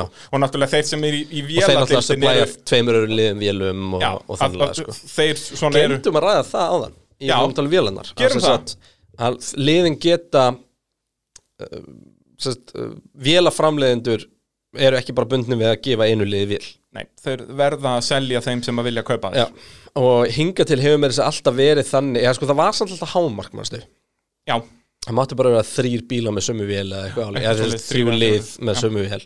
Um, Er eitthvað aðeins búið að breytast eftir að vélaframlendur að hætta? Og núna alltaf nýjast er að Honda er að hætta í Formule 1 sem er með vélanda fyrir Red Bull Alfa Tauri. Og um, En áður fyrir var formúla alltaf með vél sem allir gáttu kift Já, eina, það var yfirleitt Cosworth Já Eða, Og- eða og- Judd eða eitthvað hannig og hérna, en það er ekki lengur sko, þannig að núna er það bara þannig að ef ykkur vantar véla þá sest, sá vélaframleiðandi sem er með fæsta kostumera að þeir verða að, Já. að gefa þeim vélar, ekki gefa þeim, þeir kaupa þeir skilur, en Einmitt. þess að þeir, þeir eru með samning um að, að þeir verða að selja þeim vélar þannig að, eh, og það er svona líka hlutur sem að getur gert það pínur rugglingslegt skilur að, að liður að breytum vélaframleiðendur og svo leiðis en ekkert um leiðum að fylgjast almennilega með þessu og þá er þetta ekkert stórfenglega flókið. Þannig að já, svoleiðis virka liðin. Þetta er bara huge fyrirtæki. Heldur betur, ekkert smá mikil batteri. Flest er að beysu í kringum Silverstone Já, sko, flest frá Englandi og, og eins og þú segir, flest frá bara sama postnúmer á Já, Englandi Silverstone er svolítið svona Silicon Valley formúlunar Já. Og hefur verið í bara síðustu 30 ár. Þú með Red Bull þar Þú ert með uh, McLaren ekkert svo langt frá. Racing Point, Og með Racing Point uh, Mercedes, og Mercedes. Þú varst með sko hérna, Virgin og Lotus og það allt. Um, Runo Runo er þarna á rétt, og þeir eru uh, ekki Fraklandi eins og maður myndi að halda. já, er- eins og er- Mercedes, Er ekki þeir eru Haas ekki í líka base, með eitthvað base þar? Gæti verið, ég veit það ekki. Ég mann það ekki Nei, er það Eru þeir ekki bara í einhverju að tjaldi á ringtorki eitthvað? Já, og svo með eitthvað einhverja villu á, á naskarbreyt í bandaríkjum Já, eitthvað svoleið. En síðan eru sérst Ferrari og Alfa Tauri nýra í Ítalíu Ítalíu. og, uh, og síðan eftir með Alfa Romeo í, í Sviss, Sauber um, Hvaða liðið mér ég að gleyma? Ekki neitt. Williams eru þarna á Williams þessu eru svæði á eh, sama í- póstnúmeri, í, í akkurat. London Já. og Já, þá var það komið. nei, ég er bara með Ma- nýju lið. Hvað erum við að gleyma midfieldliðunum? Racing Point, McLaren uh, Renault. Oh my god. Ég líti að hafa bara ekki sett putta Já, niður ég held það, við erum komin með þetta Það er, Já. nema einhver hlustandi er bara að skrá okkur núna, það er líka gaman að því. Já, bara ekki að þeirra að gleyma upp á sliðinu mínu. Já, og svo langar mér nú að gera bara í öðrum þætti eitthvað tímann að fara yfir semst sögu þessara liða. Út af því eins og vorum að minnast á áðan að þú veist, Jaguar var það Red Bull og allt þetta. Mhm. það er mjög áhugavert hvernig liðin hafa þróast í, þú veist, Honda var er Mercedes og allt þetta. Allt, allt svona mjög, og, og Runo voru að keppa við Runo Aston Martin var Jordan. Og, og Al veist, Alfa Tauri var Minardi. Allt þetta. Þannig að ég, ætla, ég nenni ekki að fara í það núna en við gerum það setna Nei, nei, ekkert mál, þú bara nenni því ekki. Uh, hver, síðan er svona pæling sem er mjög oft verið að spyrja um Formule 1 hversu mikilvægur er bílinn miða við ökumann? Kristján Einar Kristjánsson. Um, á ég að svara þessi einni setningu? Eða Já, kom já. með mat um Já. þetta á einni setningu? Já. Bestu ökumadurinn vinnur ekki á lélegasta bílnum lélegast ökumadurinn getur unnið á besta bílnum. Er það? getur unnir, segi ég. Ég er ekki að segja að hann verði sjöfaldur heimsvættari ég er að segja að það sé fræðilegu möguleiki þú veist. og þegar ég segi lélegast ökumæðurinn þá segi ég lélegast ökumæðurinn af þeim 20 sem komast í Formule 1 af þeim 20.000 sem að reyndu. Já. Um, Já, ef að liðsjölega hann stættur út já, já, bara, þú veist, hann getur unnið keppni og það það er er Pastor ekki Maldonado vann keppn á Williams sko. já, já, þú veist, það er ekki fáralegt að segja að hann getur unnið keppni. Það er ekki, Nei. það þurfi ekki 19 bílar að dettu til að hann vinni, skilur Alveg rétt. Ég myndi orða þetta þannig að það er sérst, Lewis Hamilton vinnur aldrei á Williams en George Russell vinnur á Mercedes. Eða skilur Pastor Maldonado vinnur á Mercedes í réttum aðstæðan Já, að, þannig að bílinn skiptir meira máli en ökumæðurinn já en þú veist auðvitað þetta er mjög svona nægif en, af en mér. þú veist, það er hægt að segja þetta þegar að bilið er eitthvað fárulegt Já, uh, Lélegast aukumæðurinn í Mercedes hefði ekki unnum Max Verstappen á Red Bull. Nákvæmlega. Þú veist, þannig að þetta er ekki alveg svona gefið sko. Nei, nei, þetta er ekki En- svona svart á hvítu. En klálega það er, það er uh, Þetta er 6, þetta er 70-30 Já, eitthvað svo leiðis Jafnvel 65-35 Já. En sagt, við erum báðið sammála um það að bílinn er mikilvægari Þú Þú getur aldrei orðið heimsmeistari á lélegum bíl. Já. Það er ekki séns. Það hefur gæst nokkrum sinnum að næst besti bílinn hefur orðið meistari Algjörlega. Og það er yfirleitt meira þessi besti. oftar en, oftar en það sko, eh, oftar en nokkur sinnum. En, en En það er samt þetta er, ekki er keppni bíla. Akkurat, akkurat Það er síðan er bara hitt Þetta er liðskeppni já. Þú veist, uh, hina móturarnir eru bara aukumannskeppnir þetta er liðskeppni. Akkurat Og það er beautyið við þetta. Kristján, uh, hvað þarf ökumæður að gera til þess að komast í Formule 1? Þú náttúrulega varst partur af þessum stiga þó þú náður ekki hæsta þreipið á honum En sem sagt, hvernig Þú veist, út af við heyrum alltaf um að þessi gæri byrju í go-kart fjára ára og eitthvað Já. svona Hvernig virkar þessi stíi? ég var komin upp í svona loka 15 bróstin Já, af þessu og sko stíin er breytilegur en Já, já. það er verið að reyna strömlínulega að stiga núna til dæmis þegar að þegar að sko þegar ég var að keppa þá var ekkert eitthvað sem var, veist, þá var Formula 2 neðar en Formula 3 já Og, var, og var, var það ekki þá eins og, veist, margar mótaræðir sem voru svona cirka Formule 2 eða GP2 eða hvað þetta eða, sko, þá var til GP2 sem var klálega GP2 Já, já. Formula, sem var þá Formula 2 Mhm. ef við erum að tala um að þetta sé Formula 1 Formula 2, Formula 3, Já, Formula já, 4, er, Formula er 5 það ekki eitthvað skilur, En ef þú bara, svo, svo var svona Formula 2,5 sem að hétt World Series by Runo 3,5 alveg rétt Superformulan í Japan. Um, Svo er Formula 3 var Formula 3 var svona Ok, ég er að byrja vilt sem enda. Go-kart, 100% Já, það er alltaf fyrsta 100%. skrefið. Já, þú veist, líkunar á því að þú settir Formula 1 og verð ekki verið að keppa í go-kart eru bara engar Samanlega, Um, hvað er næsta skref? E- Ef, ef þú talar um þetta svona mjög general Ég veit að það eru til miljón leiðir Já, En bara svona leiðin sem ég hefði viljað fara hefði til dæmis verið að fara úr uh, formúlu, nei, fara úr go-karti yfir í formúlu Ford. Ok, svona um 15 ára. Já. vera svo komin í formúlu BMF eða formúla Runo formúla Runo er held ég ennþá til. Svona kannski 16 17 ég hins vegar hoppa þarna yfir einhver 3-4 ár og fer sjálfur til dæmis beint inn í formúlu 3 já, og þá ertu komið með bíl sem haga sér alveg eins og formúlu 1 bíl. Þú ert með brjálæðislega mikið downforce með að við þingda bíl ógeðslega mikið grip bíl sem er undir þrjár sekundur í hundraðið og uh, er að maksa í 300 km hraða þú veist á Monza kannski svona 240-50 á, á öðrum brautum. Akkurat og, og, þetta er, og þetta er bara hanna til að þjálfa menni fyrir Formule 1 í rauninni Ástæði fyrir að Já. nefna svona miklu downforce Þetta á eins og segir að bara haga sér eins og Formule 1 bíl Já. Bara fara lítið hægar og vera eins ef við minni verðum að fara sportbílulegina þá voru ennþá fleiri Já. gert sko. en þá er þið splitti líklegast eftir bara formúlu Ford, formúlu Renault formúla Renault er svolítið bara svona single seater er samt eiginlega ekki með neitt veist, Og Formula. Ford er meira hann er ekki með neina vangi Já, hann er bara, hann er bara svona svona go-kart 1 bílinn var fyrir Svona 1960 Já. já nema bara þú veist með 600 Ford motor Já, já, og 120 hestöfli öryggisbúnað eitthvað. og allt þetta, og ógeðslega gaman að kera ég prófaði hann í bíl.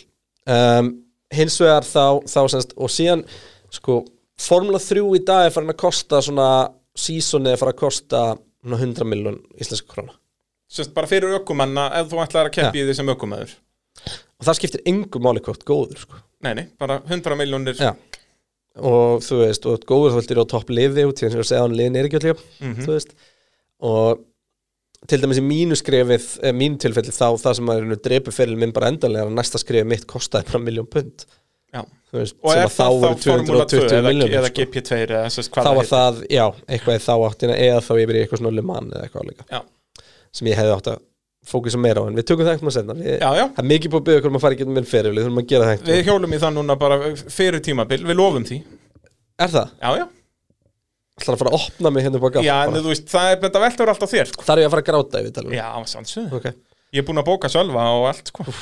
Hérna Þannig að næsta skrif eftir Formúla 3 hlýtur að vera Formúla 2 og síðan Formúla 1 En það ekki basically, En síðan náttúrulega er En að þetta fara er bara miklu það kemur ækonum svo- kom beint upp á formúlu Renault sko. Já, já.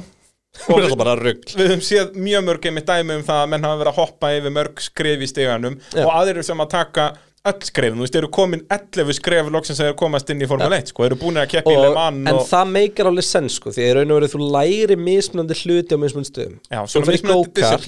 Þú fyrir go-kart þá lærir þú bara að stýra bíl.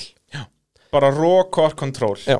Og svo ofan á það ferðu í það að læra að vera innan um aðra bíla. Mhm. þegar þú fyrir formule Ford þá lærir að vera innan um bíla og starri bíla meira hraða á kapparsbrutum en ekki go-kartbrutum Akkurat. En það sem að skipti mestumáli þar er að þú lærir á dekk. Já. Og þú lærir á það hvernig dekkin vinna fyrir þig þú lærir á það hvernig þú átt að nota ný dekk og þú lærir að stilla mekanist bílinn Sest, eh, sem vorum að tala um á hann mekanist grip að Já. það er fjöðrun að búnaður halli á dekkjum og svo framvís svo er bara svona Formula 1 og það er bara svona milliskript þar á milli til að sí út hverju er actually komast inn í Formula 3 Akkurat, og svo kemur Formúlu 3 og þá bætist við þetta auka flokna Já. stig um að þá ertu komið downforce. Og það eitt af því sem allir með hamlaði mér var að downforce faldi oft upplifun sem ég var að leita út í ég var ekki búin að fara ekki Formula Ford Já, skrifið þú þú keirðir bílinn áttaður á því að það var vandamál, hann var undir stýrður eða hvað Já, það var. og þá fórum við alltaf bara að breyta skilur Já, þú vissir ekki hvort það var mekanist eða aerodynamic sem, sem Já. villan var í. Þannig ég þurfti alltaf svolítið að halla mér á liðsfélaga mína Akkurat, og vera með svipa setup sem var kannski ekki endilega henda akstölu mínum. Þetta var svona svolítið í þá áttina Akkúrat, akkúrat. þannig að það getur verið rosa mismunandi hversu fljótt ég var upp á hraða á keppniselgi sko. um, en allavega og til dæmis einn keppniselgi það sem að liðsfélagi minn sem að ég var vanur að keira með veiktist og það kom bara einhver allt annar og ég var ömulegur já, ok. Af fleiri ástæðum reyndar. Hann var heldur ekkert sérslega góður mér vantaði hennan góða með mér til að stilla bílnum með mér sko. og hérna svona meðal annars. Þannig að Em, þetta er svona stíin þetta er svona stíin og vandamáli við hennar stíga er að hann er alveg óbúslega kostnaðasamur Já, og- þetta er bara það sem við vorum að tala um áðan að að þú þarft bæði ótrúlega mikið talent og ótrúlega mikið pening. Því miður í setjum tíð þá eiginlega þarftu bara peningin því að svo lengi sem er bara. einhver talent Já, þú þá getur alltaf bara æft og æft og æft og æft skilur við Já, það er svo sem er rétt, sko, getur alltaf bara frábær talent kemst allavega aldrei í Formule 1 án penings. Já, það er 100% svo leiðis en lélegt talent getur komist í Formule 1 með pening. Já, því miður. Já, já, það er bara því miður er það svo leiðis þess vegna átti ég ekki að byrja, að kepp, byrja að keppa í Formule á hrunári á Íslandi en það er önnur Já, saga það er, þú ætti bara að vera fyrir í þessu. Ætti að vera fyrir í þessu. Þetta er komin umfram þetta þegar að því kemur. Akkurat, akkurat. En uh, uh, Þá svona erum við búin að kofera það nokkuð vel. Uh, Ef við að útskýra þess að öryggisbíl, flögg já, og ég myndi að svoleiðis? spáði sko, þurfum við ekki að fara svolítið í bara skamstafanir líka? Jú, bara svona að hjóla í að sem sagt, gera þetta eins idiot proof og hægt er. Já, förum aðeins í gegnum það sem að gerist í keppni og, og þannig að fyrir keppni er alltaf uppbytunarhingur bara warm-up lap. Og það er ræst á þess að koma þessi rauðu ljós og þegar þau slokna þá að fara að stað. Mm Ekkert Um, grænt ljós eins og margir myndu að halda. Nei, Það er bara Ekkert grænt fimm ljós. gul og, eða tíu gul réttar að sagt. Nei, hérna rauð. Fimm rauð, fimm rauð. Já, þetta er rauninni tíu, það er alltaf tvö og tvö og tvö. Já, Hipp þú og það. En, en, Og svo bara slökna þau og þá fara Já. Og það er alltaf stilt, þetta er ekki bara eftir eina sekundu þau slökna, það er alltaf mismunandi. Já, er Það er random. Bara, Stundum við lendi ég bara að ljósið bara nýkomið og slöknuðu öll sko. Já, já. Og, og ég held að þú veist, toleransi sé eitthvað frá 0,5 yfir í 1,5 eða eitthvað svo leis og það er alltaf bara mismunandi. Einmitt. Og aukumyndir með kúplingun í stýrinu Það er ekki með kúplingspetala sem að er þurfa náttúrulega að ræsa. Og engin spóluvörn eða neitt þannig eins og var hérna á tímbili um, Síðan er ræst og ég meina þá getur orðið slís og annað slíkt. Og þá eru sem sagt annars vegar SJ sem að getur komið út með safety car og hins vegar Vaff-SJ sem er stafræðin öryggisbíl Já, og uh, öryggisbílinn og stafræðin öryggisbílinn virka faktið síðan mörguleiti eins. Þeir eru bara notaði til að hæja á keppni og meðan að það er einhvers konar slís eða eitthvað slíkt. Og öryggisbílinn sérst fylgir þeim alltaf fyrsta hringin Hann er ræstur bara á eftir Já, öllum og bílunum. neða læknabílinn Já. Eldur á alltaf fyrsta ringin. Öryggisbílinn og það eru sko hörku bílar og en þeir þetta eru lúkka eins og sex- séu 600 kjurrir. hestablar bensar, sko. Já, bara fullspekkaði kapparspílar Á slikkuðum og öllu sko. Akkurat, akkurat, þetta er ekki, hérna- þó er lítið út eins og göttubílar þá er þeir settir upp bara eins og Með DTM veltibúri bíl eða og svoleiðis. Nei, rólegur. Ok, kannski ekki, þeir eru ekki með það er svoleiðis. GT3 bíl bara. Og hérna, nei, DTM bíl er bara smíu grind. Það er bara það rétt. sko. Já, já, Þú veist. Það er rétt, þetta eru tjúnaðir göttubílar en hérna og uh, þannig að það sem að getur komið upp það er sérst, þetta virtual safety car og, og sérst, uh, bara safety car, öryggisbíl og starðin öryggisbíl Sesti, þessi virtual safety car það er náttúrulega tiltölulega nýkomið. Það kom fyrst árið 2017 eftir banasliðsins Jules Bianchi í Japan 2016 Já, og það er sérst ástæða var fyrir því er að, að sérst þarna 2016 í greinjandi rigningu í Japan var bíl búin að fara út af það er sem sagt, það er bæði annars vegar veifað bara guluflaggi að það er hægt á svo er, svo er veifað tvöföldu guluflaggi og þá eiga keppendur að hæja virkilega á sér þá er einhverstaðar einhverstaðar tæki, tæki eða manneskja eða eitthvað í Akkurat. hættu og, og þá bara átt að hæja verulega á þér á þeim stað ja. sem verið að veifa gullu flökkunum í þessu tilfelli fór annar bíl út af undir gröfu og þannig lést Jules Bianchi, hann fekk Já. bara það sem stoppaði bílinn var hausin á Einmitt. og þá var hugsað með sér, ok, þessi tvöföldu guluflögg eru bara ekki að virka. Nei, og að svo ökumenn þarna hægja þá bara sást af alla sko. Já, og, og bara það. aðstæði voru hræðilega sko. Og, og það voru líka til mörg dæmi um það að ökumenn voru hreinlega bara ekki að hægja nógu mikið á sér. Og það er, þú ert í kappakstri þú veist, að, ég segi það, þú ert að berjast við eitthvað ert að reyna að sækja á eitthvað, þá er ekkert með hvetjandi að fara að hægja eitthvað aðeins á sér. Einmitt. þannig að þá var bara komið fyrir svona kerfi sem er basically bara þannig að þú verður að hægja þér Já, þetta er bara svona meðalhraða system Já. að þú hefur bara í stýrinu hversu mikinn tíma og þarft að vera að næsta sektori á brautinni Já. og svo og framvegis svo er þetta bara verið að reikna delta eitt þú yfir að Já. undir og þú bara alltaf að passa að vera undir því, sko. Þannig að í rauninni þegar að yfir ekki það kemur bara akkurat eitthvað momentan sem að virtual safety car er settur á og þá ef allir ökumenn væri að keina eins og vélmenni að þá ættu bílinn á millir allra að vera nákvæmlega sömu þegar svo að er virtual mis- safety car svo er miskoður í þessu. Já, já, og kannski, þú veist, út af stundum fara aðeins og hægt og síðan aðeins og hrætt til að jafna það út og þá getur komið mismunandi bíl akkurat þegar virtual safety bílinn er, er tekin í burt. um, síðan er talað um sko pitstoppin og uh, í dag er náttúrulega má engungu skiptum dekk og það er rosa mikið um framúrækstra í kringu pitstoppin og eitthvað sem þið munu oft heyra er undercut eða overcut. Já, og undercut virkar þannig Bræði er undan mér, ég er að eldan, ég er hraðarinn hann eða bara á svipuðun hraða. Já, já, bara, Ég sting mér inn í pitt á undan honum fæ nýdekk og get þar hann kert hraðar því að nýju Næst- dekkin næstu gefa næstu ringi, því að nýju dekki á mér að grip. Mm -hmm. Bræja öllum líkindu stingur sér inn í pitt á næsta ring eða til að kannski svara. tveimur, þreimur hingjum, en sem sagt, jú, Já, bara segjum næsta. ef þú ert inn í gluggarum þá ferði inn á næsta. Akkurat. út af því að hann, til þess að missa mig ekki fram úr. Og ef að, mér tekst það þá náði ég undercutti á braga overcut er svo öfugt, það er það sem ég keiri lengra til þess að fara fram úr braga eftir að hann tekur þjónspili Akkurat. Og undercut er það sem virkar yfirleitt. Já, Það er að ná overcutti í dag, við sjáum það ekki oft. nei, þá þarf þetta að vera miklu hraðari bíl Já. Það er svo leiðis. Þannig að það er það.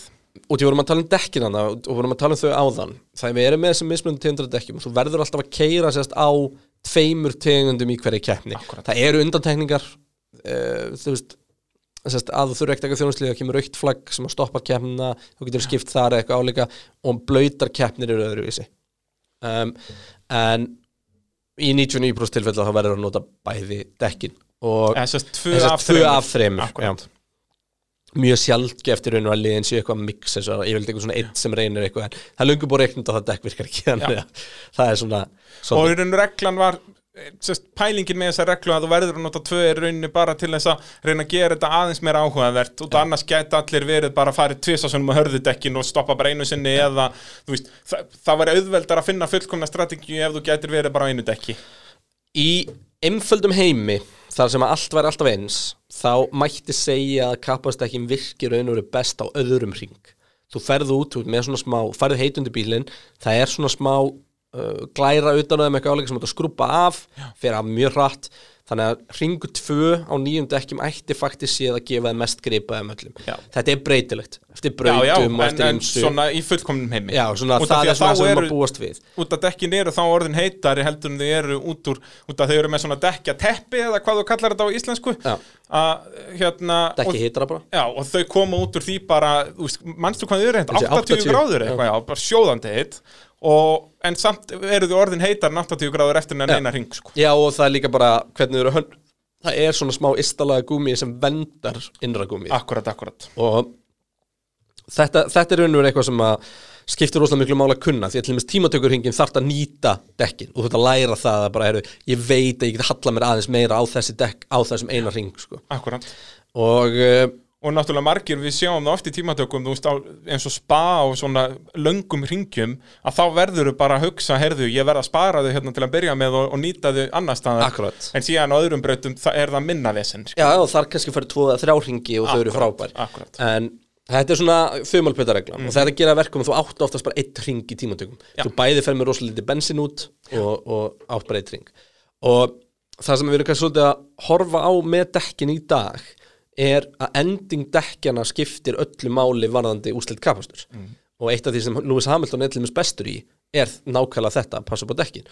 Og dekkja sliti getur verið svo að þú veitur rauninu með tvenns konar slit og annars vegar með slit sem hefur áhrif á hliðarnar á dekkjunum og hins vegar með slit sem hefur áhrif á bara gúmið Slit hlutan, eða sérst, akkurat, Já. akkurat.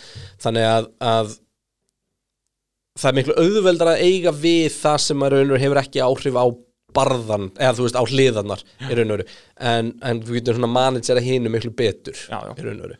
og tire management er orð sem þið muni heyra, eða setning sem þið muni heyra, alveg gríðaloft í tengslu við Formule 1 Og það er náttúrulega magnaða við þetta er að Pirelli hannaði þessi dekk bara sérstaklega fyrir Formule 1 og þau hannaðu með það að sjónamiði að þau eiga endaskeiðið lítið. Og, og sest, með þau, já, sjónamiði að þau endast svakalega lítið þannig að- að þetta gúmi sem er ofan á það hverfur mjög fljótt eða þú ert á ekstra mungu dekkjónu sem er náttúrulega þetta meikar mjög lítið að segja það, hverju hann er ekki bara dekk sem endist og endist? En já, það gengur ekki alveg svo leiðis algjörlega, þú farið næsta? Já, næst er þá bara, já, hver er munurinn á bílónum í keppni og tímatökum? Út að við, að, við tölum aðeins um þetta áðan eins og með þessa BMW-vél sem er þarna 1500 hestöfli í tímatökum og, og 600 í keppninni. Já. þó að þetta sé ekki svona ykt núna þá eru samt mikla breytingar hann á milli Já, voru meiri bara í byrjun síðast tímabils. Já, það er náttúrulega komið reglubreiting og þetta bara mitt tímabili fyrra. Það var oft talað um svo kallar partymót það sem að já, Vélarnar vélna bara skrúar upp. Og það er, sérst, máli með ég talaði um áðan að lið hafa þrjár vélar sem er verða að nota við tímabilið. Og þess vegna verða er að passa sig að, skrúa er ekki alltaf mikið upp. Og Já. þetta er svona pínu skringileg konsept bara svona fyrir almenna bíla áhuga mann eða ekki einu svona bíla áhuga mann heldur bara svona að að geta skrúað upp í vél og gefur meira Þetta er raunum bara Power. forritun af véluna Já, sem hann fær bara meira bensín eða meira loft. stærri sprenging Já. Já, verður náttúrulega að hafa meira loft til að setja meira bensín það verður alltaf að vera réttur ratio og þar leðandi fá fleiri hestöfl en kannski fara svolítið illa með véluna fyrir viki í stuttan tíma og þeir eru bara búin að rekna þetta allt út þannig að þeir vita já við getum gert þetta svona lengi veist, þetta er ekki eins og bara hérna ég í rallycrossinu í gamla dag skellum bara nýtró á vélina og sjáum hversu langt hún fer á hún, springur. Já. þeir vita nákvæmlega hvernig hún springur. Ég man að Jóakim félagi minn hann skellt einu sem nýtró á vélina hún fór alveg held ég rúmlega hálfa kefni Já, það var flott. alveg magni, já já ég meina það kom á óvart. Flott. Var það ekki líka eitthvað nýtra sem að skrúaði bara úr bíl sem var dottin úr keppni eða eitthvað hannig jú gott ef hann gerði það ekki um miðja keppni að þá skrúa hann úr öðru með eitthvað frá honum Nei, Íbbi skrúaði hjá sér var Já, það ekki? nei, já, það var tekið nýtrókerfið úr bílum að sjóðakinn þegar hann var búinn að sprengja vel með sína. já, já, og setti annar bíl. Þetta er dásamlegt. Ja, Og ekkert stilt eða neitt, bara fara að gera. Já, já. Um, En Þeir gera þetta ekki alveg þannig. Nei, þetta er komið aðeins lengra smá, ekki mikið. Nei. Við erum ekki komið langt frá kapilurhörnunu Nei, blessa En, uh, nei, nei, en, en munurinn kannski helst á milli tímandu keppni er bensínmagnið. Já, og bílinn haga sér allt öruvísi með 100 kg af bensinni sko. já, við erum að tala um að bílarnir eru þannig bara eitthvað, er, er ekki tæp 700 kíló? Þannig að auka 100 kíló af bensíni, það er ansi mikið hlass. Það er rosalega mikið. Og þú finnur alveg fyrir því? Já, sest 700 kg án bensins Já, Þeir eru, er ekki 870 og eitthvað með aukumann á bensinni já, eru þeir alveg þannig? Já, eru þeir rúm 700 ekki með bensíni? Uh, Góð spurning, það er dottið út um mér Ég á að vita. þá bara ferð að googla þetta Ég á að vita Heyrðu, Jú, la- 700, la- 740 728 á Nelsnittis Nei, 740, hún var hækkun núna. Alveg rétt, já. Hann er Það var með svo að ökumenn gætu verið 740 rólegri. með aukumanni á nælsnendis Og það var, stórpartur af því var einmitt svo ökumenn getu hætt að lifa eins og munkar. Til að gauður eins og ég sem er 183 rætti séns. Bara bing, bara bum Já, og líka bara, eins og ég segja, þeir geta að borða mat. Það Já. er alveg betra. Það er þeim líður betur hann Já, Já, og eru þá líka fyrir viki með aðeins myndi vöðu allir taka á móti eða lendi í krassi og allan fjandan sko. akkurat, akkurat, bara meika Og þarna voru erum mitt skólabækjudæmi það sem að, semst, ökumanna júníónið var pottet með puttana í Alveg 100% Þannig að 100% þeir eru eitthvað að gera þarna Þannig að þú veist, þú sér það eitthvað eins og ég hefði þurft að þú veist, verðandi 183 ég hefði þurft að vera svona 70 kíló Já, að sem er bara bara ekki neitt Formule 1. skilur. Nei, veist, ég Það er bara verið eins og fjölskyldumöðlumur í ethiopískri fjölskyldu að fyrir mörgum árum fyrir mörgum árum sko.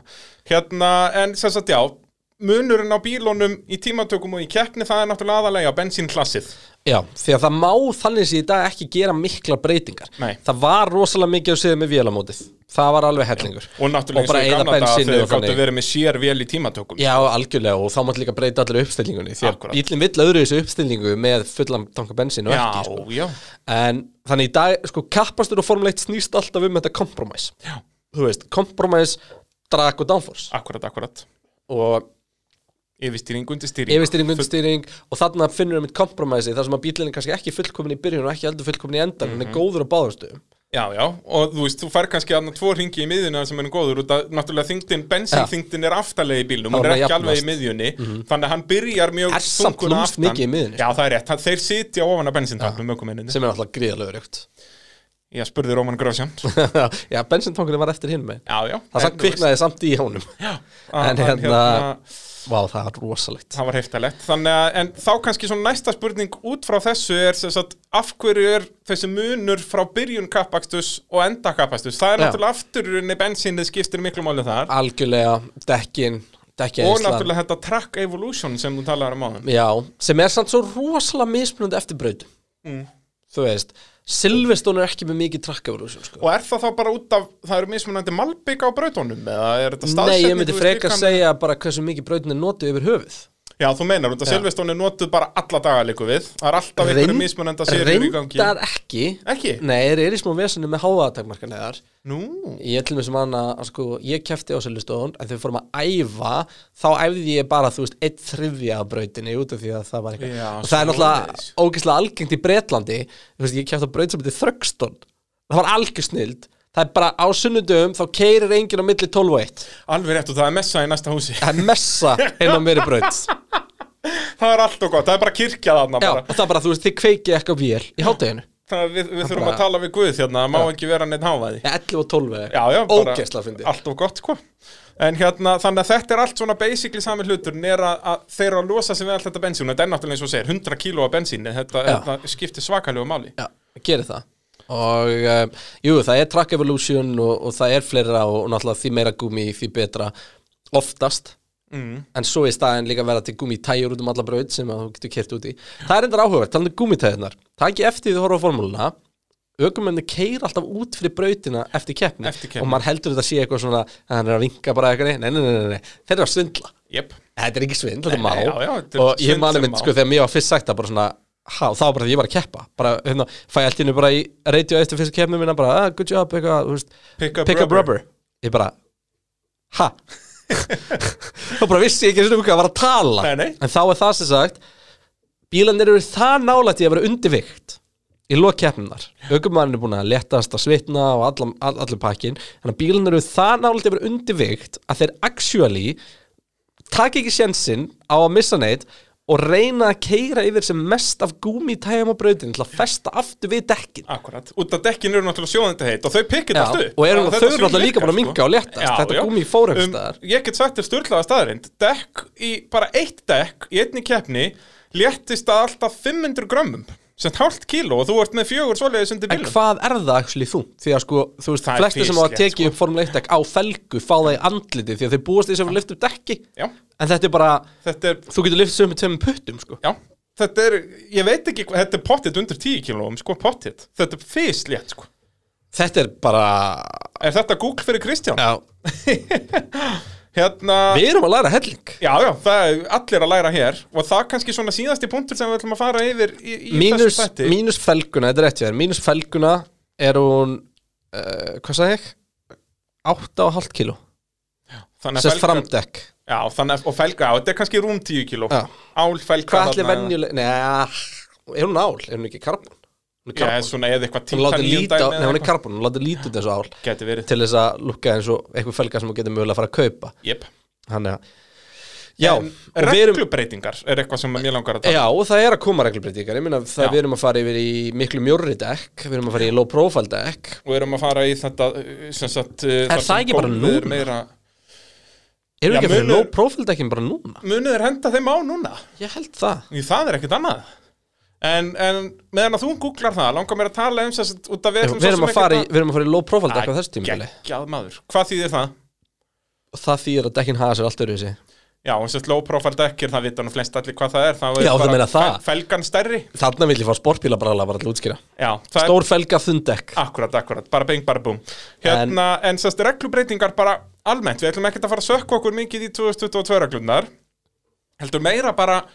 reglubreitingar bara almennt Við ætlum ekkert að fara að sökka okkur mikið í 2022 reglunar Heldur meira bara sérst, af hverju eru alltaf reglubreitingar og það er náttúrulega, þetta heitir Formule 1 Já, og reglurnar eru, það er þessi formúla. Já.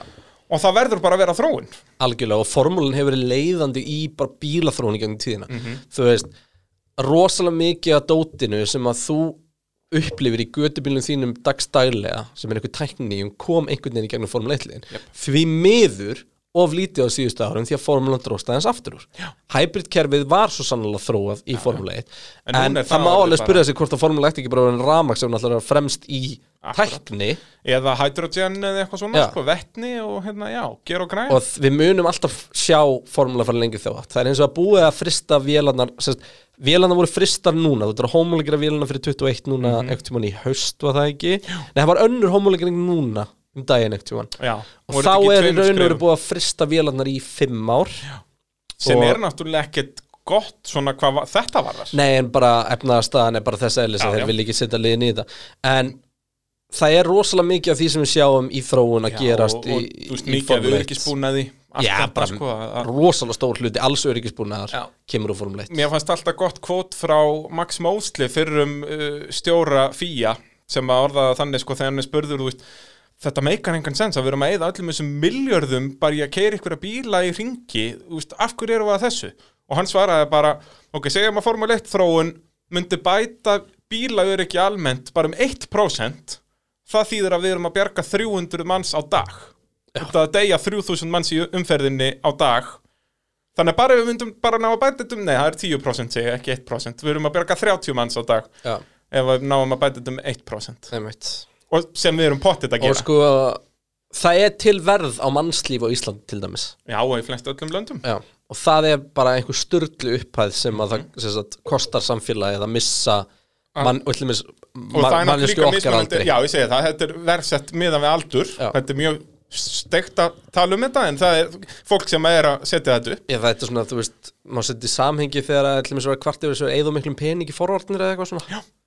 Já, já, akkurat, og eins og það er búið að setja upp líkun bara hvað tími kostar almennt og allt þetta skilur að hérna, að en svo er líka bara annað ef það væri ekki formið, þá væri ekki pittur nákvæmlega, og hvað gerðum við þá? ekki neitt. Ekki nokkuð skapaðan hlut, þannig að þá fyrst færi við að kosta samfélagið. Já, þetta, já, nákvæmlega. Ef okkur er bara hleyft út í samfélagi að færum út úr Nóa Sirius stúdíóunum var sætla minninga. Talandi um Nóa Sirius stúdíó þetta er náttúrulega sannsöðu líka í bóðið bónstofunar Við höfum ekki gleyma því. Nei, við erum okkar þar. Tók okkar mig. menn á Og Ég get sagt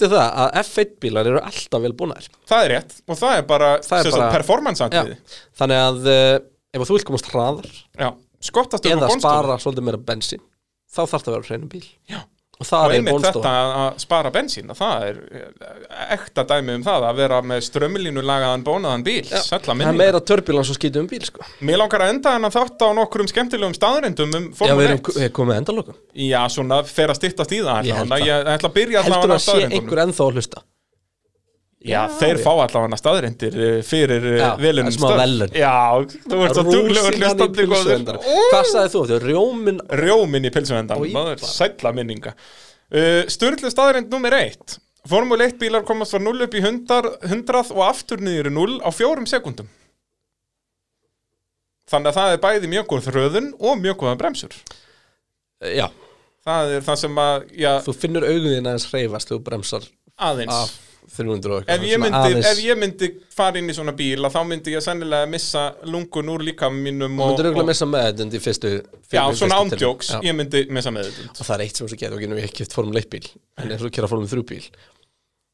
Ef þú varst ekki, þú veist, bara eftir vetrabreykið Því að þú venst þessu ógisla hratt, Mhm. Þú veist, Ég fann ekkert fyrir þessu en ég man bara Því ég settist aftur upp í Formule 3 bíl að keira heilt tímabil. Því að fyrst þú stendur þetta Þá ertu bara pínu veist, það er bara svo mikið að gerast.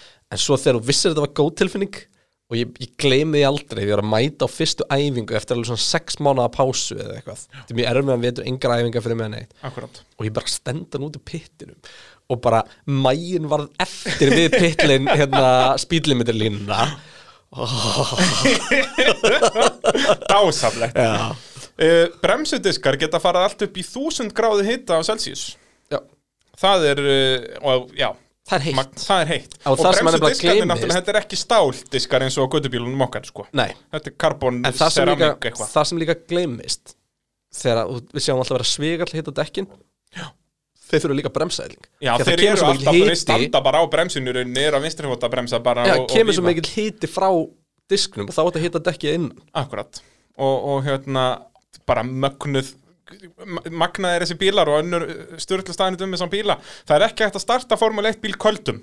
Vélinn þarf að vera heit til að hægt sé að snúinu og þeir, þeir þurfa að dæla heitri olju í gegn og vera með alls konar Eru þeir ekki með svona hita, svona vasshita hérna kerfi, Jú, ég held það sem er tengja við bílinn sem er bara húkaði upp, sem er ekki partur af bílum heldur þeir bara pluggaði við sinnum og þá fer að sörkja þetta heitt vatn í kring einhverja af eins og segi, svo fer hann í gang, það dælist út Já. þannig að þú heyrir einu bílinn alltaf fara í gang 20 myndum undan sko. Já, út af þess að toleransið, við erum að tala um hversu nákvæmur þessar vélar eru, að þá þeir hannaðar þannig að þeir eru kaldar og þá náttúrulega fer málmur saman Mhm.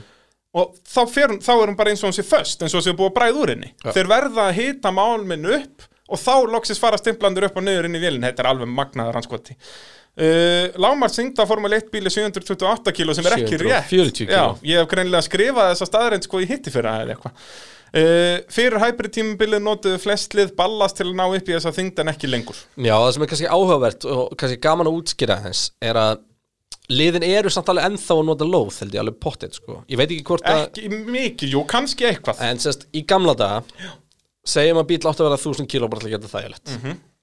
og McLaren, Bruce McLaren var fyrstu til að gera þetta Já, hann var ok. fyrstu með ansi margt sérst, þá mættu allir og þeir smíðu bíl sem var bara nákvæmlega 1000 kíló með aukumann, Mhm. kannski settu við 10 kíló lóð einhver staðar í bíl Bruce McLaren fór í staðan og smíðaði bíl sem var 600 kíló Og bara smekkfyllt hann að lóðum. Já, á þeim stöðum sem að hann vildi fá þyngdina. Akkurat. Og það sá er bíl miklu var betra. bara störtlar Já, já. Og það er einmitt ástæðan eins og núna þá er búið að gera þetta til þess að þetta sé líka hægt Mhm. þá er bara eitt staði sem lóðin með að fara og það er bara, und, er bara á bakvið er bara við aukumann Já, akkurat, og þá er þetta bara svona standard staður Já. það má ekki fara að fýblast eitthvað með þetta og Þetta og er til dæmis í go-kartin notar þetta rosa mikið til að stilla bílinn. Já, þetta er dásamlegt, sko. með, sko, þú festir alltaf lóðan sæti, það staðarinn Jep. eða einhver staðar á grindina en þar actually vildi maður oft fá lóðin svolítið hátt upp því að Já, þú ok. vildi náttúrulega, hann er alveg driflæstur þú vildi geta lift hjólum, þannig að þú vildi fá snúning Já. að grindin var að sveigast aðeins sko. Ég náttúrulega, sko, ég kefti í go-kart í nokkra keppnir og það náttúrulega fyrsta sem ég gerði var að taka ég kefti sko, bílið minn af ykkur um 50 kílóa manni Já. þannig að ég ándjóks að fóra ábygglega vika því að taka öll lóðinu burtu, þetta voru bara risastóri boltar úr ykkurum skipum eitthvað sem er búið að teipa við alla grindina og ég náttúrulega sjálfsögðu þurfti ekki votta þessum lóðum, ég held að ef við verið í yfirþyngd meira að segja sko þó, nei, ég, ég held að ég hafði nú þurfti eitthvað, út af reglunar þá voru alveg frekar, þú, eins og ég segi, ég var ábygglega svona 90 kíló þá og, og hefur, það slapp samt já, sko. ég held að var þetta ekki bíl pluss aukumæður 160 kíló og bílinn er svona eitthvað 80 svoleiðis, já, þetta var eitthvað allavega, sérst, ég þurfti að eyða miklum tíma í að taka alls konar lóð af, af bílnum uh, síðasta staðrendin 52 aukumenn hafa dáið í Formule 1 svo síðast var Jules Bianchi árið 2016 Já. það er, uh, út af margir halda ennþá að það sé Arton Senna sko, Var þetta senna síðastur undan já, Bianchi? Og sko síðan fyrir síðasti fyrir það held ég að bara verið Gilles Villeneuve, þú veist, það voru alveg 6 eða 7 ár sem liðu sérst áður en Arton Senna og þú veist, þegar að Þessi Senna deyr. Emola Helgi, þessi hryllingur. Akkurat, það var náttúrulega Ratzenberger sem deyr fyrst en, en það sem sagt, þegar að þeir tveir deyja þarna sömu helgi, þá heldu allir að formúlan væri orðin bara örug Já, þetta væri, að við varum bara búin að mastera formúluna þetta væri orðið safe, þess vegna var þetta svona svakalegt sjokk hérna og svo aftur svakalegt sjokk þegar Bianchi deyr. En kannski ástæðan fyrir það fór svona undir radarinn meira af fólki er bæðið út að Bianchi var ekki í toppslagnum og hann deyr náttúrulega alveg hálfu árið setna eða eitthvað, hann var, hann var haldið á lífi á spítalanum í talsverðin tíma sko. en Já. var sem sagt það sem kallaði bara heila döður í rauninni, hafa verið að halda honum í gangi en, en ekkert að gera því einmitt. Uh, þetta eru svona staðarindirna mínar. Uh, fyrir þetta þá ekki bara verða ágætt fyrir Formule 1 fyrir byr byrjandur Ég held það. Ég held það. Er það ekki bara? Hefur það ekki bara þakka fyrir okkur bræði Gerum það. Og ef þú ert nýr hlustandi og endlist allan þennan tíma og nýr áhorandi þá bjóðum við hjartanlega velkomin Já, í þetta yndislega sam, eh, samfélag sem er orðið til í kringu formulegna á Íslandi. Mælum með F1 á Íslandi grúppuna á Facebook. Algjörlega. Og um, bara fylgja pittinum á, á þinni podcast veitu og Facebook og svona. Bara beng, bara búm og eh, við bara verðum mættar aftur hérna bara bráðum Það held ég, engin trailer í dag, takk og bæ engin trailer. Á ég hendi einum inn í endan? Nei, Nei. Ég, það, það er bara Svona er bara lífið, svona er 2021 Engi trailerar